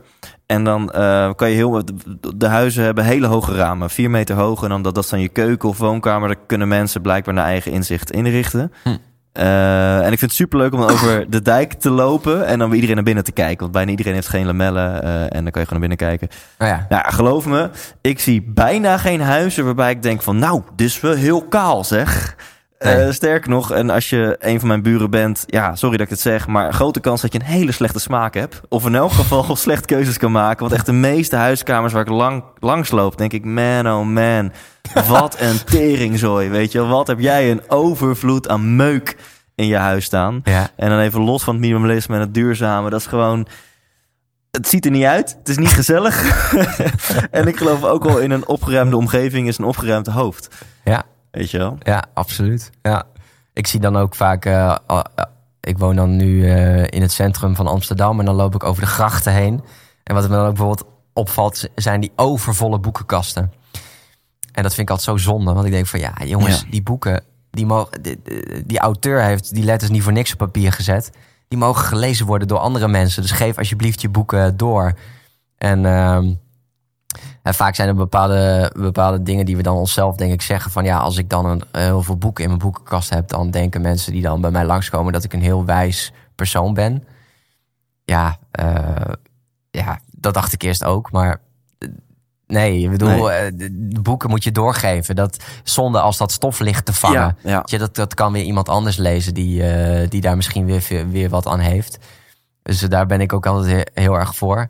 En ehm, ja, zo, ik denk dat we onszelf zo ook wel een beetje leugens vertellen eh, wat betreft minimalisme. Van als ik elke dag hetzelfde aan heb, dan denkt diegene dat over mij. Ja. Weet je wel, terwijl Steve Jobs had er, eh, had er scheid aan. Die droeg elke dag hetzelfde. En eh, dat maakte hem gewoon veel, en net als Barack Obama trouwens ook... Ja. dat maakte hem veel, veel gefocuster op. Er hoefde niet elke ochtend de keuze te maken van... trek ik vandaag dit setje aan, schat? Ja. Of zal ik vandaag dit aantrekken? Dus ehm, ja, er zijn soms denk ik ook wat betreft spullen... bepaalde leugens die we onszelf vertellen, verhalen vertellen... die ons eigenlijk ook helemaal niet echt dienen. En ehm, ja, dus dat is misschien. Ja, ja, stel jezelf goede vragen, denk ik ook inderdaad. En Ja. ja, ja dient, dient, eh, dat vind ik trouwens ook wel interessant aan het eh, boek van eh, Dennis Storm trouwens over minimalisme. Die heeft ook samen met mij ook een boek erover geschreven. Die eh, presentator van, eh, van, eh, van reisprogramma's. Ja, en is ja, daar op een gegeven moment mee gestopt en is nu veel meer eh, bezig met eh, ook met duurzaamheid. Het plastic probleem gaat bij hem heel erg aan het hart. Dus hij is ook met lezingen is hij ook ja, nu proberen mensen te inspireren om daarmee aan de slag te gaan. En wat ik wel interessant aan zijn kijk op minimalisme vond, is dat hij, dus, hij heeft altijd in hotels, hè, de wereld rond, Ja. hij is in verschillende hotels gekomen. En de, bepaalde hotels hebben, hebben dan heel erg eh, minimalisme in zich. Dus heel, zijn heel functioneel. En ehm, ja, eh, daardoor krijg je ook zin om, om op reis te gaan, om de deur uit te gaan. En weet je, niet, niet te veel, eh, maar ook niet te weinig. Gewoon precies goed. En alles is heel op elkaar afgestemd. Dat heeft hij ook gebruikt voor zijn huis. Dus hij is heel erg gaan kijken van hoe kan ik Mm. zo, hoe kan ik het ook zo, ja, zo effectief mogelijk inrichten, weet je wel. Dus Ja. hoe kan, ja, gewoon een beetje meer vanuit een andere mindset. En hij zegt ook wel van ja, wat ook belangrijk is met minimalisme is dat je gewoon veel meer gaat kijken ook naar dat de dingen die je hebt, dat die ook, die mogen ook wel wat luxer zijn. Ja. Dus die mogen Ja. van kwaliteit zijn. Dat je echt ook blij bent met een, van Mo-fiets, bij wijze van Ja. spreken, dan met een, een barrel wat, wat je weer steeds weer eh Maar laat ik denk fixen. dat dat ook heel goed voelt. Als je aan de ene kant van een hele hoop dingen gewoon afgaat. Wat misschien nog wel tientjes oplevert ook als je het verkoopt. Mhm. Eh, je gaat minder van dat soort troep kopen. Hou je gewoon meer geld over. En als je dan denkt, ja maar voor mij is inderdaad een fiets heel belangrijk. En dan gewoon 1200 euro aan een goede fiets uitgeven. Dan voelt het gewoon heel goed. Ja, ja, precies. En daar kun je waarschijnlijk ook heel lang mee doen. Goede kwaliteit. Ja. Eh, want duurzaam kopen is natuurlijk ook vaak wel iets duurder. Ja. Maar ehm, je betaalt de prijs eh, ook omdat, eh, ja, om, om ook goed te doen voor de mensen die het maken en dat soort dingen. Weet je wel, ik bedoel, ehm, dat hoor je ook wel eens van, van, ja, ik wil graag duurzamer leven, maar ik vind het zo duur. Uiteindelijk koop je minder, eh, natuurlijk. Hè, dus kun je ook meer uitgeven, omdat je weer minder koopt. Het geeft je goed gevoel dat je, Ja. dat je iets koopt wat gewoon oké is. En zeg maar, long term is het uiteindelijk ook hè, goedkoper, omdat je het dus langer kunt gebruiken. Dus Ja. eh, eigenlijk weegt dat allemaal tegen elkaar op. En net als met, Ja. met eten bijvoorbeeld, hè, dus niet de plofkip, maar gewoon eh, dat sowieso niet kopen. Maar eh, gewoon veel meer kijken naar andere producten die ook ja, die meer van het seizoen zijn, bijvoorbeeld. Ja, je kunt verschillende kanten op. Dus ehm, ja, er is heel veel Ja, mogelijk. Echt Ja. ook, want ik al, eh, en, en nogmaals, niet om nou te doen dat wij zo perfect zijn, want dat is helemaal niet zo. Maar wij Nee. zijn gewoon heel begaan met dit onderwerp. En ik weet dat ik al als, als student kocht ik al alleen biologisch vlees. Was gewoon, weet je wel, en, en dan zeiden andere studenten tegen mij, ja, daar heb ik geen geld voor. Nou, dan werd ik echt woedend gewoon. Dacht ik van, wat voor leugens vertel je jezelf nog meer allemaal? Wat de, je gaat mij niet vertellen, dat is gewoon een keuze, weet je wel. Ja. Of je nou 10 euro of 20 euro per week aan vlees uitgeeft, het is gewoon een keuze. Sowieso kan jij gewoon ook als student kan je biologisch vlees betalen. Ja. ja, goed dat je het nog even zegt. Wij En- zijn niet perfect. En ook jij die luistert, eh, je, bent, eh, je, bent, je, bent goed, je bent goed genoeg. Je bent genoeg. Ik denk dat het ook, dat vind ik ook nog wel belangrijk. We worden, de, worden zo verleid om van alles te kopen wat ons mooier, slanker, dunner maakt. Hè? Eh, Ja. wat, wat, wat de grote bedrijven. Grote bedrijven zijn heel slim geworden in ons het gevoel geven dat wij er niet genoeg zijn. Want Ja. we, hebben die, we hebben die nieuwe BMW niet. Dus we, doen, we, we, we zijn niet goed genoeg. Nee, je, ik kan je zeggen, je bent goed genoeg. We zijn, eh, we zijn allemaal niet perfect. En eh, dat is ook nog een, trouwens een, een, een woord wat ook in het boek staat. Ook van Babette Por- Porcelein trouwens. Zorg dat je ook geen ecorexia krijgt. Eh, dus ga ook niet denken van... Ja, ik mag ook geen kind. Ik wil ook eigenlijk geen kinderen, want dat is ook impact op de aarde. Of, of ik, eh, ja, ik, kan niks in, ik kan niks zonder plastic vinden en dat, het je, dat, het je, dat je daardoor ook gewoon veel meer van het le- minder van het leven geniet. Ja. Probeer echt. Ik ben ook altijd, als ik bijvoorbeeld zo'n plastic challenge aanga, dan ben ik ook altijd heel erg bezig van wat vind ik leuk om te doen. Ja. Weet je wel, zo'n broodzak meenemen waar ik dan mijn broodjes in doe. En dat ligt dan op de kassa en er staat brood op. En de cashier ziet gewoon van, oh ja, daar zit brood in. Ja. Eerst, eerst deed ik het nog met een eh, zak, daar stond geen brood op. Dus die cashier dacht, hé, wat is dat? Die durfde er niet eens in te kijken. En ik zei, ja, er zit gewoon brood in hoor. En dan zie je al die mensen zo kijken van, wat doet die jongen? Ja, ja, dus maar toen dacht ik van, ja, nee, eh, ik hoop dat mensen het zien en denken, oh ja, dat is wel een goed, eh, goeie om het zo te doen. Want het scheelt weer als iedereen dat zou doen. Hè, dus niet die broodjes in zo'n in zo'n plastic zakje.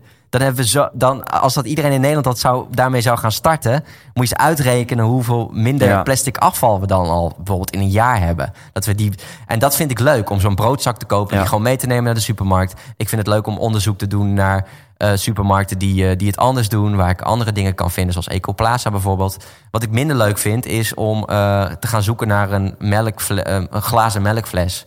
Dus ik vind het, ja, Ja. plantaardige melk, dat koop ik gewoon uit zo'n tetrapak. Ja. En de- ja, dus Ja. ik probeer altijd heel erg te, te, te- in hoeverre vind ik het leuk. En Ja. eh, ja, dus ik denk dat het Ja, ook heel belangrijk is om geen juist, ecorexia ja. te krijgen. Nee, want, ja. ja. precies. Want, en dit is natuurlijk ook een persoonlijke ontwikkelingspodcast en niet per se een duurzame podcast. Dus ik, ik wil ook aan mijn luisteraar vragen: ga met minimalisme aan de slag vanuit die persoonlijke ontwikkelingskant. En niet vanuit de kant van: oh, eh, het gaat slecht met onze aardbol en ik mag niet meer dit. En ik mag, nee, wat vind jij belangrijk? En jij vindt het superleuk om dan zo'n plastic challenge te doen. Ja. En dan hou je het ook vol. Ja, dan vind je hoe het kun leuk. jij eh, met minimalisme, met duurzaamheid ook als mens Ja. groeien? Ja. En dan, ik ga nog heel veel on rant over true costs. Want je, dat, daar had je net ook indirect over. Als je dan dus zo'n fietspompje koopt bij de Action van 73 cent. Of een shirtje bij de, de Primark van 5 euro. Mhm. Dat eigenlijk zou je de true cost moeten berekenen. Want de echte prijs is niet 5 euro. Want de echte prijs is 5 euro.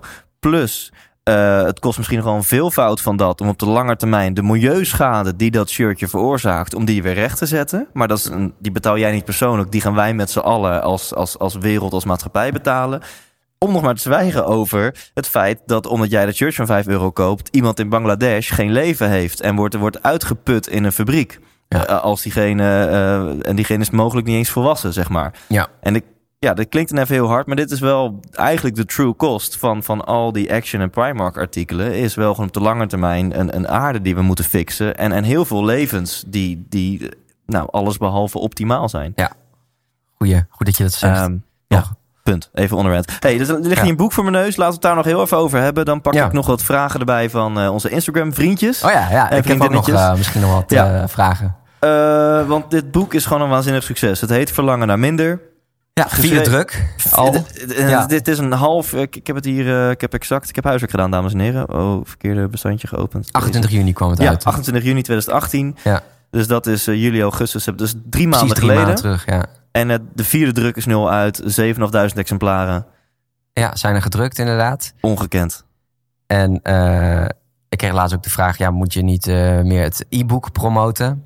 Want dat is toch veel duurzamer. Daar heb je geen bomen voor nodig. Mm -hmm. Ook ook e-books zijn niet volledig duurzaam. Ja. Omdat die staan ook weer op, op servers. Ja. dus je hebt ook het e-book. maar goed, ja, het zit dus allemaal heel complex in elkaar. Ik houd zelf ook heel erg van het fysieke boek. Ja. Je kunt dus kiezen om het fysieke boek te kopen. En daar staan ook ja, dat is gewoon wat, dat is wat rijker vormgeven. Staan quotes in. Je kunt het e-book bestellen. En je kunt straks ook het luisterboek luisteren. Maar het gaat heel goed. Het is een goede start met van, ja, gewoon een goede start van het boek. En je hebt het in een half jaar geschreven, toch? Ja. Dat is best, best snel. kun je eens wat even vertellen over waarom dit boek? Hoe is dat, hoe is dat ja. gekomen? Nou, ik ben dus inderdaad in 2013 begonnen met bloggen over minimalisme. Dat was best wel een populair onderwerp kwam, later kwam daar een duurzaamheid bij. En natuurlijk is de persoonlijke groei, waar jouw podcast ook over gaat, is heel erg de bron geweest. Echt het heel erg, ja, waar we het net over hadden, heel erg gewoon de bewustwording.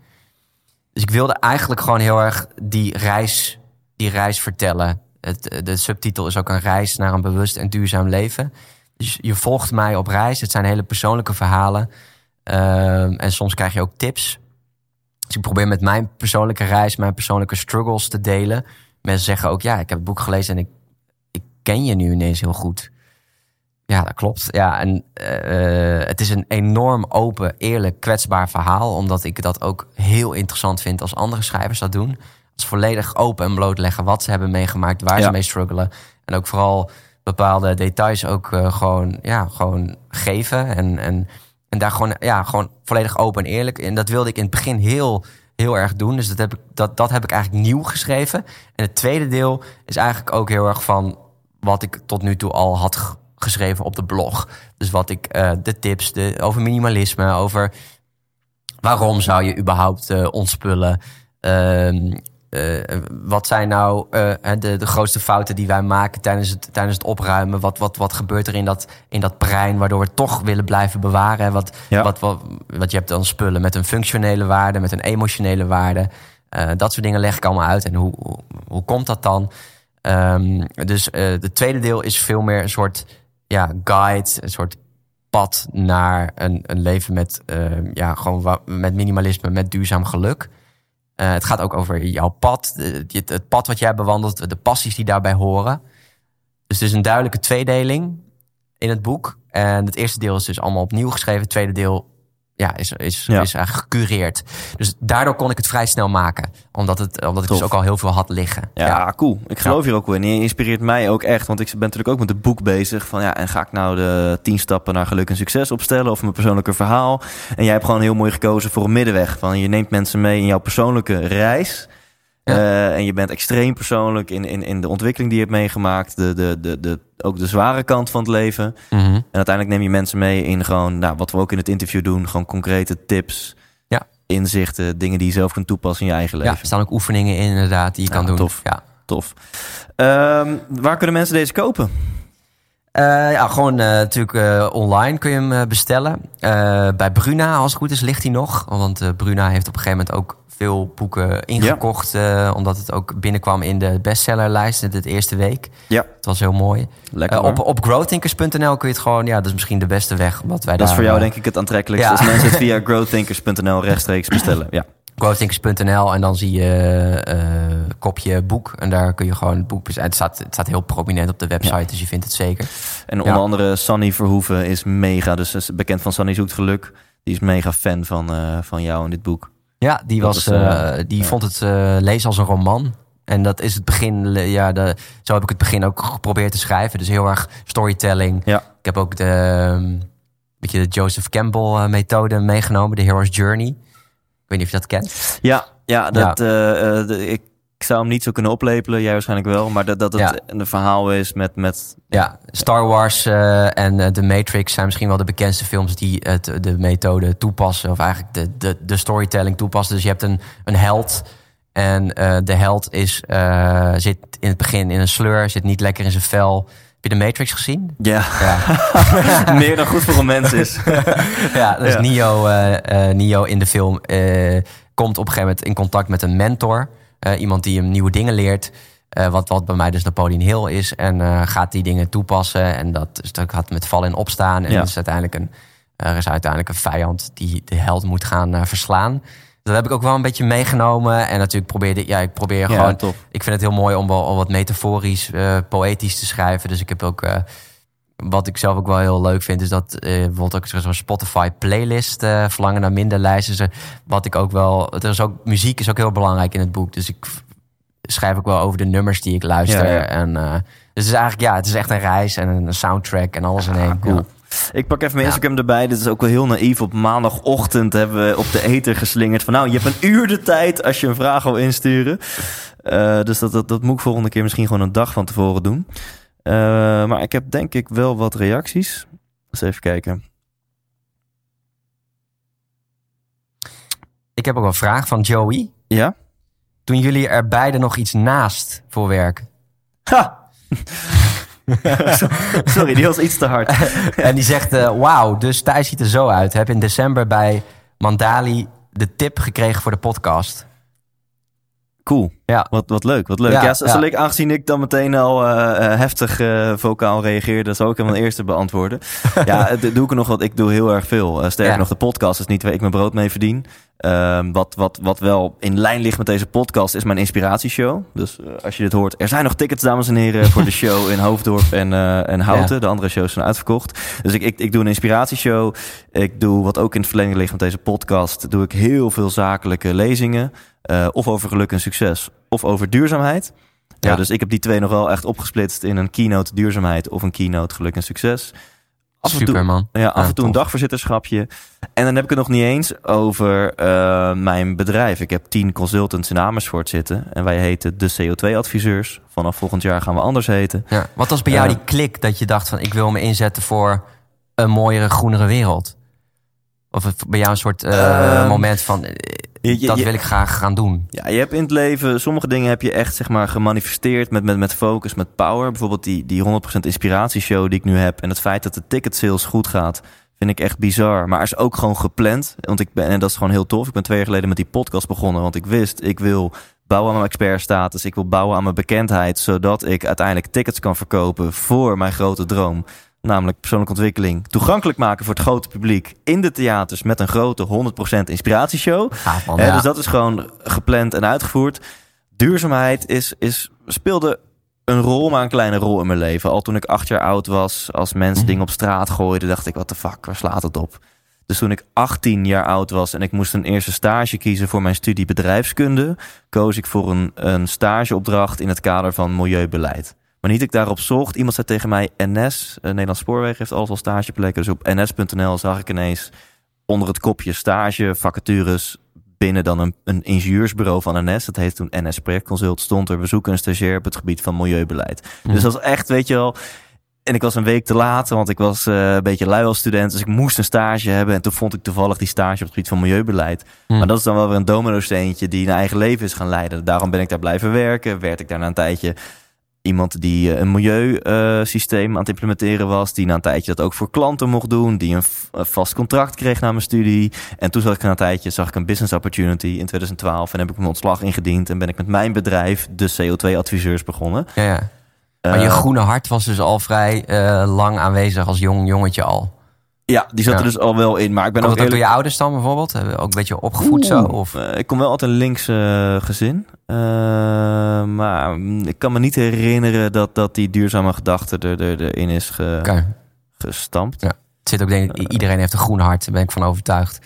Ja, Iedereen heeft eh, dat de de, ja. eh, de- een drive om de wereld mooier en groener te Ja, maken. dat vind ik een mooie gedachte. Dus om de vraag te beantwoorden, doen we er nog dingen naast? Ja, ik doe er Ja. heel veel. Ik heb ook nog een stichting, Nederland CO2-neutraal. Ik heb ook nog een andere stichting, Rocking Up Christmas. Nou, dus ik doe... eh, ik, ik kom mijn week wel, door.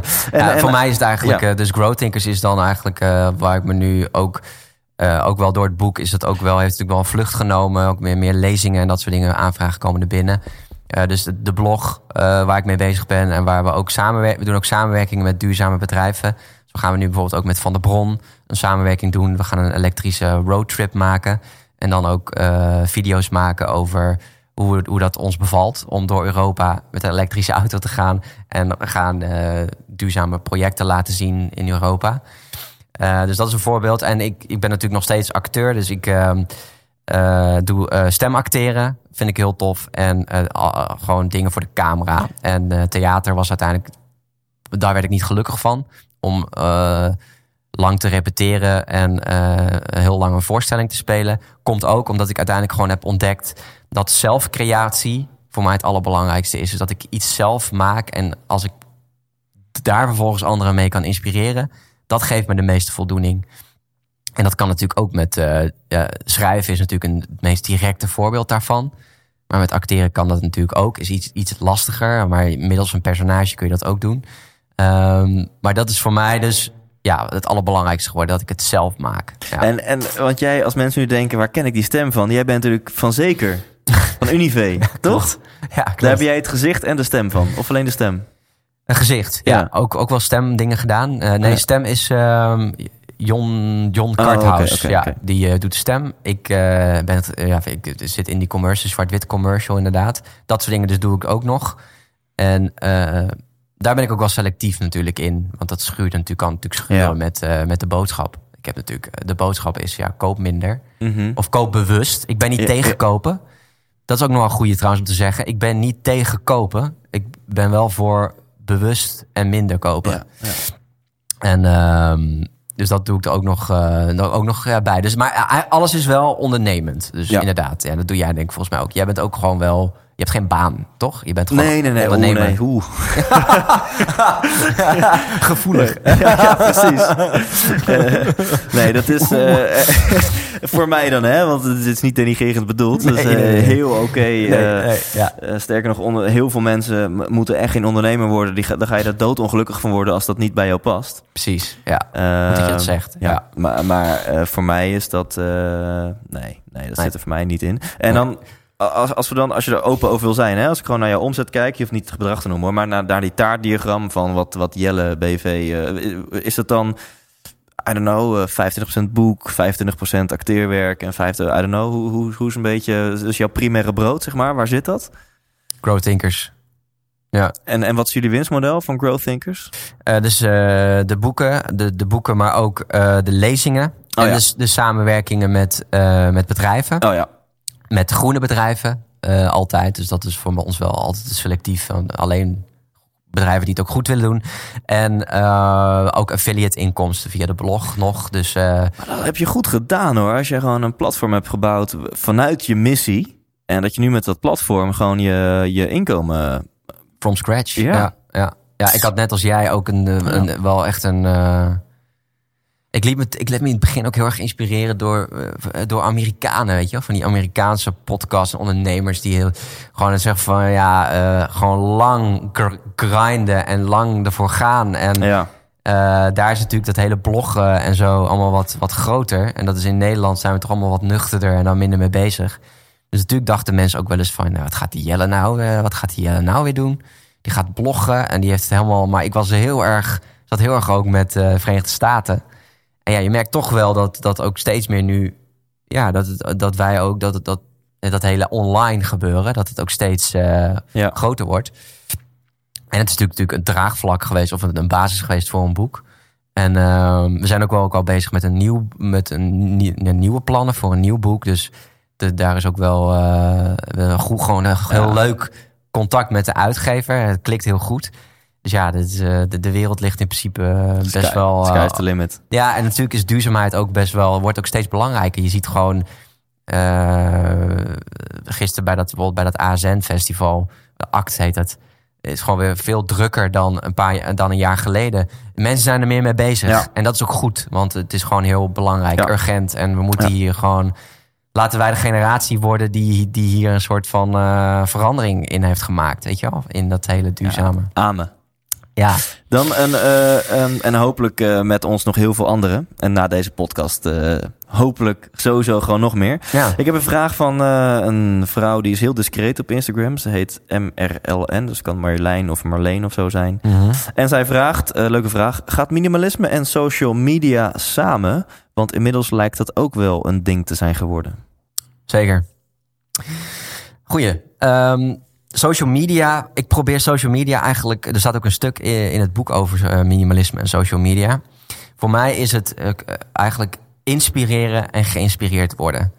Dus eh, ik heb geprobeerd mijn eh, social media zo in te richten dat ik geïnspireerd word en dat ik inspiratie geef. Dus ik probeer altijd wel te kijken van dat, dat wat ik online zet, Ja. eh, is dat puur om te laten zien van... hey, kijk mij eens hier zijn. Of kijk mij eens cool zijn dat ik hier ben. Of kijk mij eens succesvol zijn omdat, omdat dit. Of, breng ik er, of geef ik er iets mee aan de wereld wat ook inspiratie geeft? Dat zijn wel dingen die ik, voordat ik het de wereld instuur, mezelf de vraag stel. Ik vind bijvoorbeeld daarin bijvoorbeeld Facebook privé helemaal geen fijn platform meer. Dat is alleen maar. Eh, ja, het, eh, de, de, de, de, de, de baby's en de bruiloften, dat krijgt de meeste likes en dat is wat je ziet. En ja, ehm, natuurlijk is Instagram ook heel erg van het perfecte beeld, maar daar probeer ik dus wel selectief op te zijn en gewoon steeds mezelf af te vragen. De, diegene die ik nu volg, raak ik daar nog door geïnspireerd? En als ik er niet door geïnspireerd, dan is het gewoon ontvolgen. Dus ik probeer ook wel gewoon te kijken, ja, wie volg ik? En inspireren diegene mij ook echt? Ja. En eh, natuurlijk heb je dan nog de smartphone-verslaving. Eh, dus dat je steeds op je telefoon, eh, telefoon kijkt. Ehm, door social media. Ja, ik zie. Ik, ik- het, het moet gewoon een tool blijven die je gebruikt om. Eh, die je gebruikt omdat het je leven dient. Dus Ja. dat, het je niet, dat, dat jij de baas blijft over je telefoon, over social media. En dat je het. Ik gebruik het zo, eigenlijk zoveel mogelijk zakelijk. Dus eh, zo min mogelijk privé. Dus gewoon ja, vanuit die boodschap probeer Ja. ik het te gebruiken. En dat helpt mij heel erg. ja cool. En eh, uiteindelijk is social media en ook die smartphone is een hamer. Het is een tool die je kunt gebruiken, die heel fijn is, maar ook heel verslavend kan werken. Dus sla je met die hamers de, de spijker erin of sla je met die hamer op je vingers? Dat is een beetje de, steeds de vraag die je jezelf ja. moet stellen. En Ja. ik denk ook hier weer kan iedereen voor zichzelf, want jij en ik, wij hebben ook echt Instagram als onderdeel van onze business. Eh, maar, maar als je luistert of het nou wel of niet zo is, beantwoord dan gewoon die vraag. Identify the essential.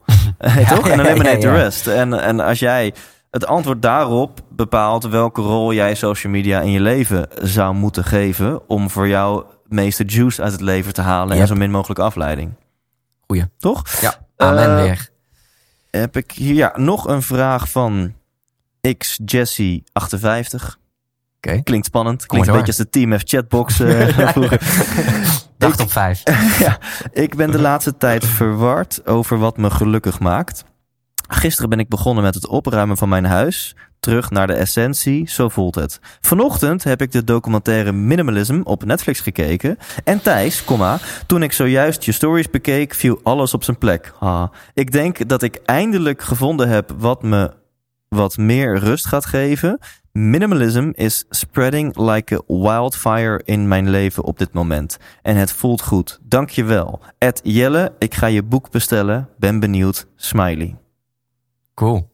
Nou ja, dit was niet per se bedoeld als zelfbevlekking, want ik lees hem natuurlijk gewoon onder. Ja, maar ja, eh, ja. eh, thanks voor je, voor je super toffe compliment. Thanks Jesse. X ja. Jessie. Ja, gaat, eh, ja, ga, er lekker van, ga er lekker van genieten van het opruimen. Eh, eh, dan voor mij doet ze dat ook wel. Maar blijf gewoon lekker. ehm, het hoeft niet perfect. Eh, ik denk dat dat heel belangrijk, eh de belangrijk ding blijft. En blijf gewoon lekker. eh, het hoeft ook allemaal niet snel. En het hoeft allemaal niet in één keer. Maar geniet lekker van dat minimaliseren. Ja. Want dat geeft zoveel. eh, ik weet nog heel goed dat ik dus inderdaad die Xbox eh, verkocht. En dat de bel ging. En ik was mijn Xbox 360 kwijt. En dat voelde echt van. Voelde echt als een bevrijding. Van dag, ga maar. Ga, ga, iemand, ga iemand anders maar van maken. Ja. Dames en heren, Jelle was nu letterlijk ook aan het zwaaien. Hij hij deed, hij deed nu net na hoe hij zijn Xbox uitzwaaide. Ja, ja. en misschien komt hè, die kan later weer terugkomen, maar eh, Ja. ja. je kunt zo eh, dingen, die, eh, dingen die overblijven geven vaak ook jouw pad aan. Hè? Dus vaak dan, als je bijvoorbeeld een boek, een boek aan het opruimen bent en ineens blijft dat boek over van kalligraferen of fotografie. En je denkt, ja, dat is toch iets waar ik nog wel iets mee wil. Dat kan ook weer iets aangeven. Ja. Want vaak de spullen Ja. die overblijven kunnen heel veel weer vertellen over welke kant je op wil. Ja. Ik, ik wilde een hele concrete tip aan toevoegen. Tip van Thijs. Eh, want we hebben allemaal wel van die dingen dat je denkt... ja, maar dit is leuk voor later. Dat kan ik niet weggooien. Ik heb voor mezelf gewoon een regel. Ik heb één kistje. Mhm. En in dat kistje, daar, dat is mijn leuk voor later kistje. En er zitten rapporten in van vroeger. En I don't know, diploma, foto's, Ah, liefdesbrieven. En mm, mm, eh, minder mag, meer niet. Dus ik heb gewoon één kistje. is gewoon super overzichtelijk. En dat is gewoon, eh, ja, dat Oh, wat goed, kom ik ja. soms bij verhuizingen tegen of eh, whatever. Ja, begrensd. Dus een soort kader voor jezelf gemaakt. Ja. En dat het niet dat het hoeft, dan gaat Maar het nooit uitpuilen. Als jij een leuk voor later zolder hebt, dan is het ook niet leuk voor. Dan, dan, dan ga je ook, weet je wel. dat, dat, dat, dat gaat zijn doel voorbij. Ehm, Welkom in de leuk voor later zolder. oh, stoom. En. Rookmachine. tenzij je er natuurlijk weer een hele, hele mooie show van maakt. En Een theatershow. Ja, de ja. leuk voor later zolder. Leuk voor later zolder, de nieuwe Ja. eh, inspiratie. Ja, en als mensen, samen gaan eh, maken. als mensen net als Jessie eh, willen genieten van dus inspiratie op Instagram, dan kunnen ze jou en mij volgen. En jij bent te vinden onder Grow Thinkers. Yep. En ik ben gewoon te vinden onder Thijs Lindhout. Yes. Ik heb nu ongeveer 2.500 volgers. En ik vind dat daar wel een nulletje achter mag. Want ik ontmoet veel inspirerende mensen zoals Jelle. Daar, daar, daar post ik over in mijn stories. Ik neem je ook mee in mijn, mijn tocht naar eh, bijvoorbeeld mijn inspiratieshow. Hoe ik dat aanpak. Dus eh, ja, volg mij gewoon op Instagram. Thijs Ja. Lindhout. En volg Jelle Grow Thinkers. Thanks, En Thijs. jij zit er wel over die 10.000 heen. Dus dat... eh, Ja, ik, Vind ik heel eh, mooi. ik had ook een verlangen naar de swipe-up. Eh, uiteindelijk is het dan... En het is net als met, soms met spullen kopen. Hè, de soort dopamine-stootje die je krijgt als je hem hebt. ja, En daarna is het ook vrij snel weer weg. Ja. Ook nog wel goed om het over te hebben trouwens. Dat, Ja. dat, dat dat ook de reden is waarom we veel spullen kopen. Omdat het ook dat geluksgevoeletje Oh ja, geeft. ja. Hè, dat dopamine-stootje wat je krijgt als je iets nieuws hebt. Maar ik heb wel geleerd voor mij persoonlijk dat, de echte, dat het dus heel erg korte termijn tevredenheid is.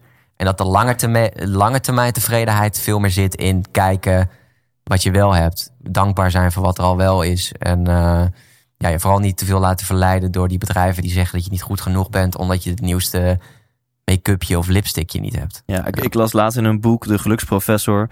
ehm, Ja. Genot is het geluk van de dwazen. Geluk is het genot van de wijzen. Laat die, ga daar maar eens over nadenken. Ja. Eh, en dat, dat sluit aan op wat jij zegt. Van die korte termijn dopamine. En je Maar ik geniet hier ook van. Dus Ja. eh, genot zit hem, eh, het is misschien mooier om, om, te, om, te, om het genot meer te zoeken in ervaringen in plaats van spullen. Eh, dus meer te kijken naar een concert, een concert of een Ja. mooi festival waar je mensen ontmoet of meetups. Probeer meer te kijken naar of je iemand een ervaring kan geven als cadeau bijvoorbeeld. Dat zijn tips. Eh, want dan heb je natuurlijk ook altijd nog de feestdagen, de verjaardagen. Er komen vaak spullen bij. Dus wat als jij straks jarig bent en eh, je, ja, je eigenlijk geen spullen wilt hebben, wat kun je dan vragen? Nou, een ervaring bijvoorbeeld. Of een, eh, een consumable, iets wat je kunt opeten of kunt opdrinken. Er zijn natuurlijk heel veel. ik, heb, ik heb ooit een keer gewoon geld gevraagd voor een goed doel. Dus ik heb gezegd van ik heb, ik heb Ja. alles al. Ik heb genoeg en ik ben genoeg. En eh, als je me een cadeau wil geven, stort dan. eh, hè, zoveel geld was op eh, van ehm, Charity Water. Zo'n eh, goed doel waar je ook helemaal kan zien waar je geld heen gaat. Oh, dus ja. er wordt, zij proberen daar eh, eh, iedereen water te verschaffen. Dus een drinkwaterproject in Afrika bouwen ze daar. Dus ik kreeg ook een mailtje van... hey, je hebt eh, dat gedoneerd en we zijn nu ermee bezig in Afrika. Fucking gaaf. Ik, je Ja. hebt me direct geïnspireerd. Want ik, dit jaar was ik dus 30 geworden. En toen heb ik het in het midden gelaten. Ik heb niks gevraagd, maar ook niet gezegd geef niks. Nou ja, ik heb Mensen dus- gaan toch iets Ik geven. heb de halve action heb ik eh, gekregen. en, eh, en een goed doel. En nu denk ik te plekken. Ik heb elk jaar zelf een goed doel. Een kerstactie Rocking Up Christmas. Dus dat wordt gewoon volgend jaar als ik 31 word. Jongens, doneer aan, aan Rocking Up Christmas. Ja, Ik weet zelf dat elke cent die daar binnenkomt, komt terecht bij, bij arme gezinnen. Gezinnen die het gewoon heel zwaar hebben. En die elk extraatje met kerst gewoon goed kunnen gebruiken. ja. Eh, dus dat is een thanks. Ja. Een concrete tip Ja. bij deze. Dus als je, als je dus bent uitgenodigd volgend jaar 3 april voor mijn verjaardag als ik 31 word, dan weet je nu al wat je mij kan geven. precies. Voor, eh, voor 45 euro eh, maak je één gezin van vier gewoon helemaal blij met een onvergetelijke kerst. Ehm, Tof. Jelle, Ja, Thijs. 100 minuten geleden begonnen wij dit gesprek. Ja. We zitten op 1 uur 40. Is er nog iets wat, eh, wat ik had moeten vragen? Is er nog iets wat jij wil delen met, met onze luisteraars? Ehm, ja, ik denk dat het nog wel goed is om te benadrukken. Dus als je dit gesprek hebt geluisterd, dat eh, wij gewoon twee jongens zijn die heel erg op zoek zijn naar groei. En eh, delen wat we, wat we gaandeweg allemaal tegenkomen. En ik denk dat het heel mooi is als we, als, als we dat allemaal meer eh, gaan doen. Dus deel je, deel je, deel vooral ook waar je tegenop loopt.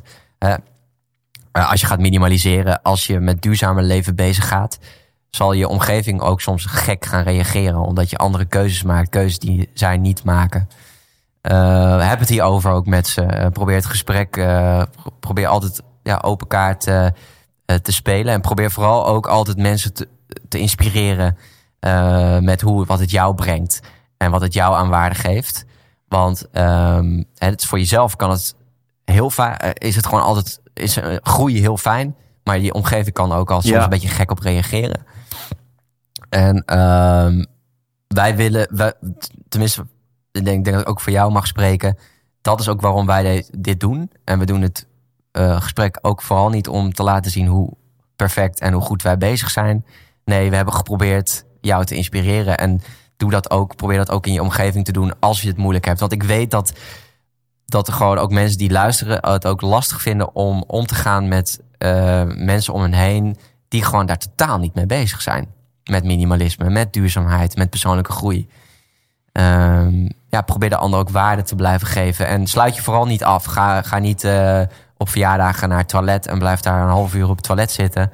Nee, blijf delen hoe het jou eh, gelukkig maakt en Ja. inspireert. Ja, Ja, mooi. Dan, dan wil ik er nog iets aan toevoegen. ja Eh, mooie 1-2'tjes eh, hebben we dit, dit interview, dit gesprek. zeker. Want ehm, toen ik bijvoorbeeld terugkwam van Tony Robbins, was het, in 2011, ik was toen eh, 23, ik kwam helemaal gehyped terug. Ik was vet gemotiveerd. Dat, dat was mijn Brazilië momentje, zeg maar. Van Ja. wauw, Ja, persoonlijke ontwikkeling, ben ik verliefd op geworden. En toen merkte ik, ik lulde iedereen in coma of ik wilde iedereen overtuigen met hoe vet dit was. En kreeg alleen maar terug, oh, en eh, hoeveel kost zo'n kaartje dan? Oh, dus hij wordt wel lekker rijk. Nou, als hij zoveel geld verdient. Nou, en eh, dus mijn enthousiasme werd gewoon Ja. telkens omlaag gehamerd door mijn Ja. omgeving. Dus, dus dat, die tip wil ik mensen ook geven. Of het nu minimalisme is of iets anders.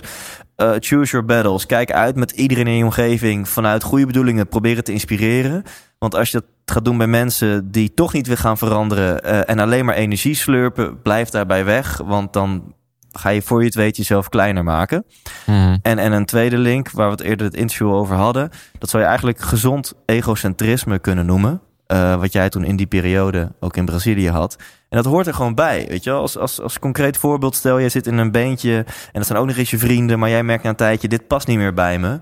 Dan is het super sociaal en super wenselijk en super empathisch om bij dat beentje te blijven. Maar nee, dan moet je dus gezond egocentrisme toepassen. Mhm. En, en, en zeggen, jongens, ik kap met de band. Ja. Eh, ehm, of, wat jij net zei, eh, eh, mensen om je heen kunnen ook...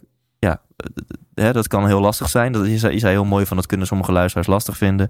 En daarin, ja, wellicht moet je daar ook wel eens een keuze in maken. Dus ga niet als een eindselgang in je eentje leven. Maar wellicht, als je telkens merkt dat bepaalde mensen in je omgeving niet jouw pad ondersteunen. Of sterker nog, jou terug willen halen naar hun pad of een ander pad. Ja, kan je jezelf ook als de vraag stellen: zijn dit de juiste mensen om mee om te gaan? Precies. En wat als dat familie is? Mooie, concrete vraag. Ehm, die, die zal ongetwijfeld bij veel mensen resoneren. Mhm. Dan ja, ik. In mijn geval, eh eh, ooms, tantes, neefjes, nichtjes, die zie ik bijna nooit. Nee. Wat als het Dus- je ouders zijn, bijvoorbeeld als je Ja. thuis woont en eh, je ja. tegenop loopt. Ja, ja, goeie. Ehm, als je ook nog eens thuis woont en je hebt er dan elke dag mee te maken. Ga, ja, ga toch op jezelf wonen, toch? Ga daar naar kijken. Ja, dat vind is een mooie link. Ik denk dat problemen in het leven kun je altijd voor, voor 50% op spiritueel gebied oplossen en voor 50% op praktisch gebied. Mhm. Dus stel je woont thuis en je hebt hiermee te maken. Het praktische oplossing is, ga uit huis. Ja. En de spirituele oplossing is, ga toch even het gesprek met je ouders aan. Zeg, pap, mam, jullie houden van mij toch? Ja, jullie willen toch niet zo liever dat ik gelukkig ben? Nou, ik, Ja. zit, ik zit even hiermee. Het doet me echt heel veel verdriet en heel veel pijn. Juist omdat ik jullie ook zoveel van jullie hou en zoveel om jullie geef, doet het me heel veel pijn als jullie bla bla bla, mij niet ondersteunen in dit pad. Dus ik, ik vraag jullie niet om dat je vanaf nu de slingers ophangt dat dit mijn pad is, maar ik vraag je wel om mij los te laten en vrij te laten, want dit maakt mij gelukkig. Kies je naaste wijs, zei hij toch? De Marcus Aurelius. Kies je naaste Mooi. wijs. Ja. De oude Griek zei het al. Ja, zo belangrijk. Weet je? Laten we daarmee afsluiten. Heel mooi. Ja, blij dat ik jou heb ontmoet. Ja, eens, eens gelijks. Ja. Wederzijds. Cool. Thanks. Een afsluitende box. Ja, boxman. Tof. 100% wijs! Yes, lieve luisteraar. Ehm, dat was hem. En ik zeg het vaker, maar ik meen het echt. Elke keer als je dit hoort, dan, dan vind ik het gewoon heel tof dat je de hele aflevering hebt geluisterd. En dat je zelfs ook nog moeite neemt om de outro te luisteren. Ehm, en zoals je dan weet, zit er soms nog best wat candy in de outro. Zoals een reminder dat je het boek Verlangen naar Minder. En ja, die wil je gewoon hebben na dit gesprek. Dat weet ik gewoon. Je, je zit nu in de auto, in de sportschool, je bent aan het koken, whatever je nu aan het doen bent. Je denkt nu gewoon, fuck, ik wil dat boek hebben. Dan kan je naar verlangen naar minder.nl gaan. Heeft Jelle goed aangepakt, die URL. En daar kun je het boek kopen. Of je gaat gewoon naar thijslindhout.nl. Je koopt tickets voor die show op vrijdag 9 november in Houten of woensdag 12 december in Hoofddorp. En als je dat komende zeven dagen doet, dus uiterlijk op eh, 14 oktober, dan hoor je wellicht volgende week jouw naam in de intro en heb jij een boek gewonnen, Verlangen naar Minder. En heb je ook gewoon een hele vette, toffe avond in je agenda staan, want dat betekent dat je naar de 100 Inspiratieshow gaat. Ehm, dus check de URL's verlangennaarminder.nl en thijslindhout.nl. Thanks voor het luisteren. Ehm, op naar de, de 20k luisteraars per week. Dus als je het een toffe podcast vindt, spread the word bij vrienden, collega's, whatever. En dan eh, horen we, of in elk geval hoor je mij volgende week weer. Leef intens.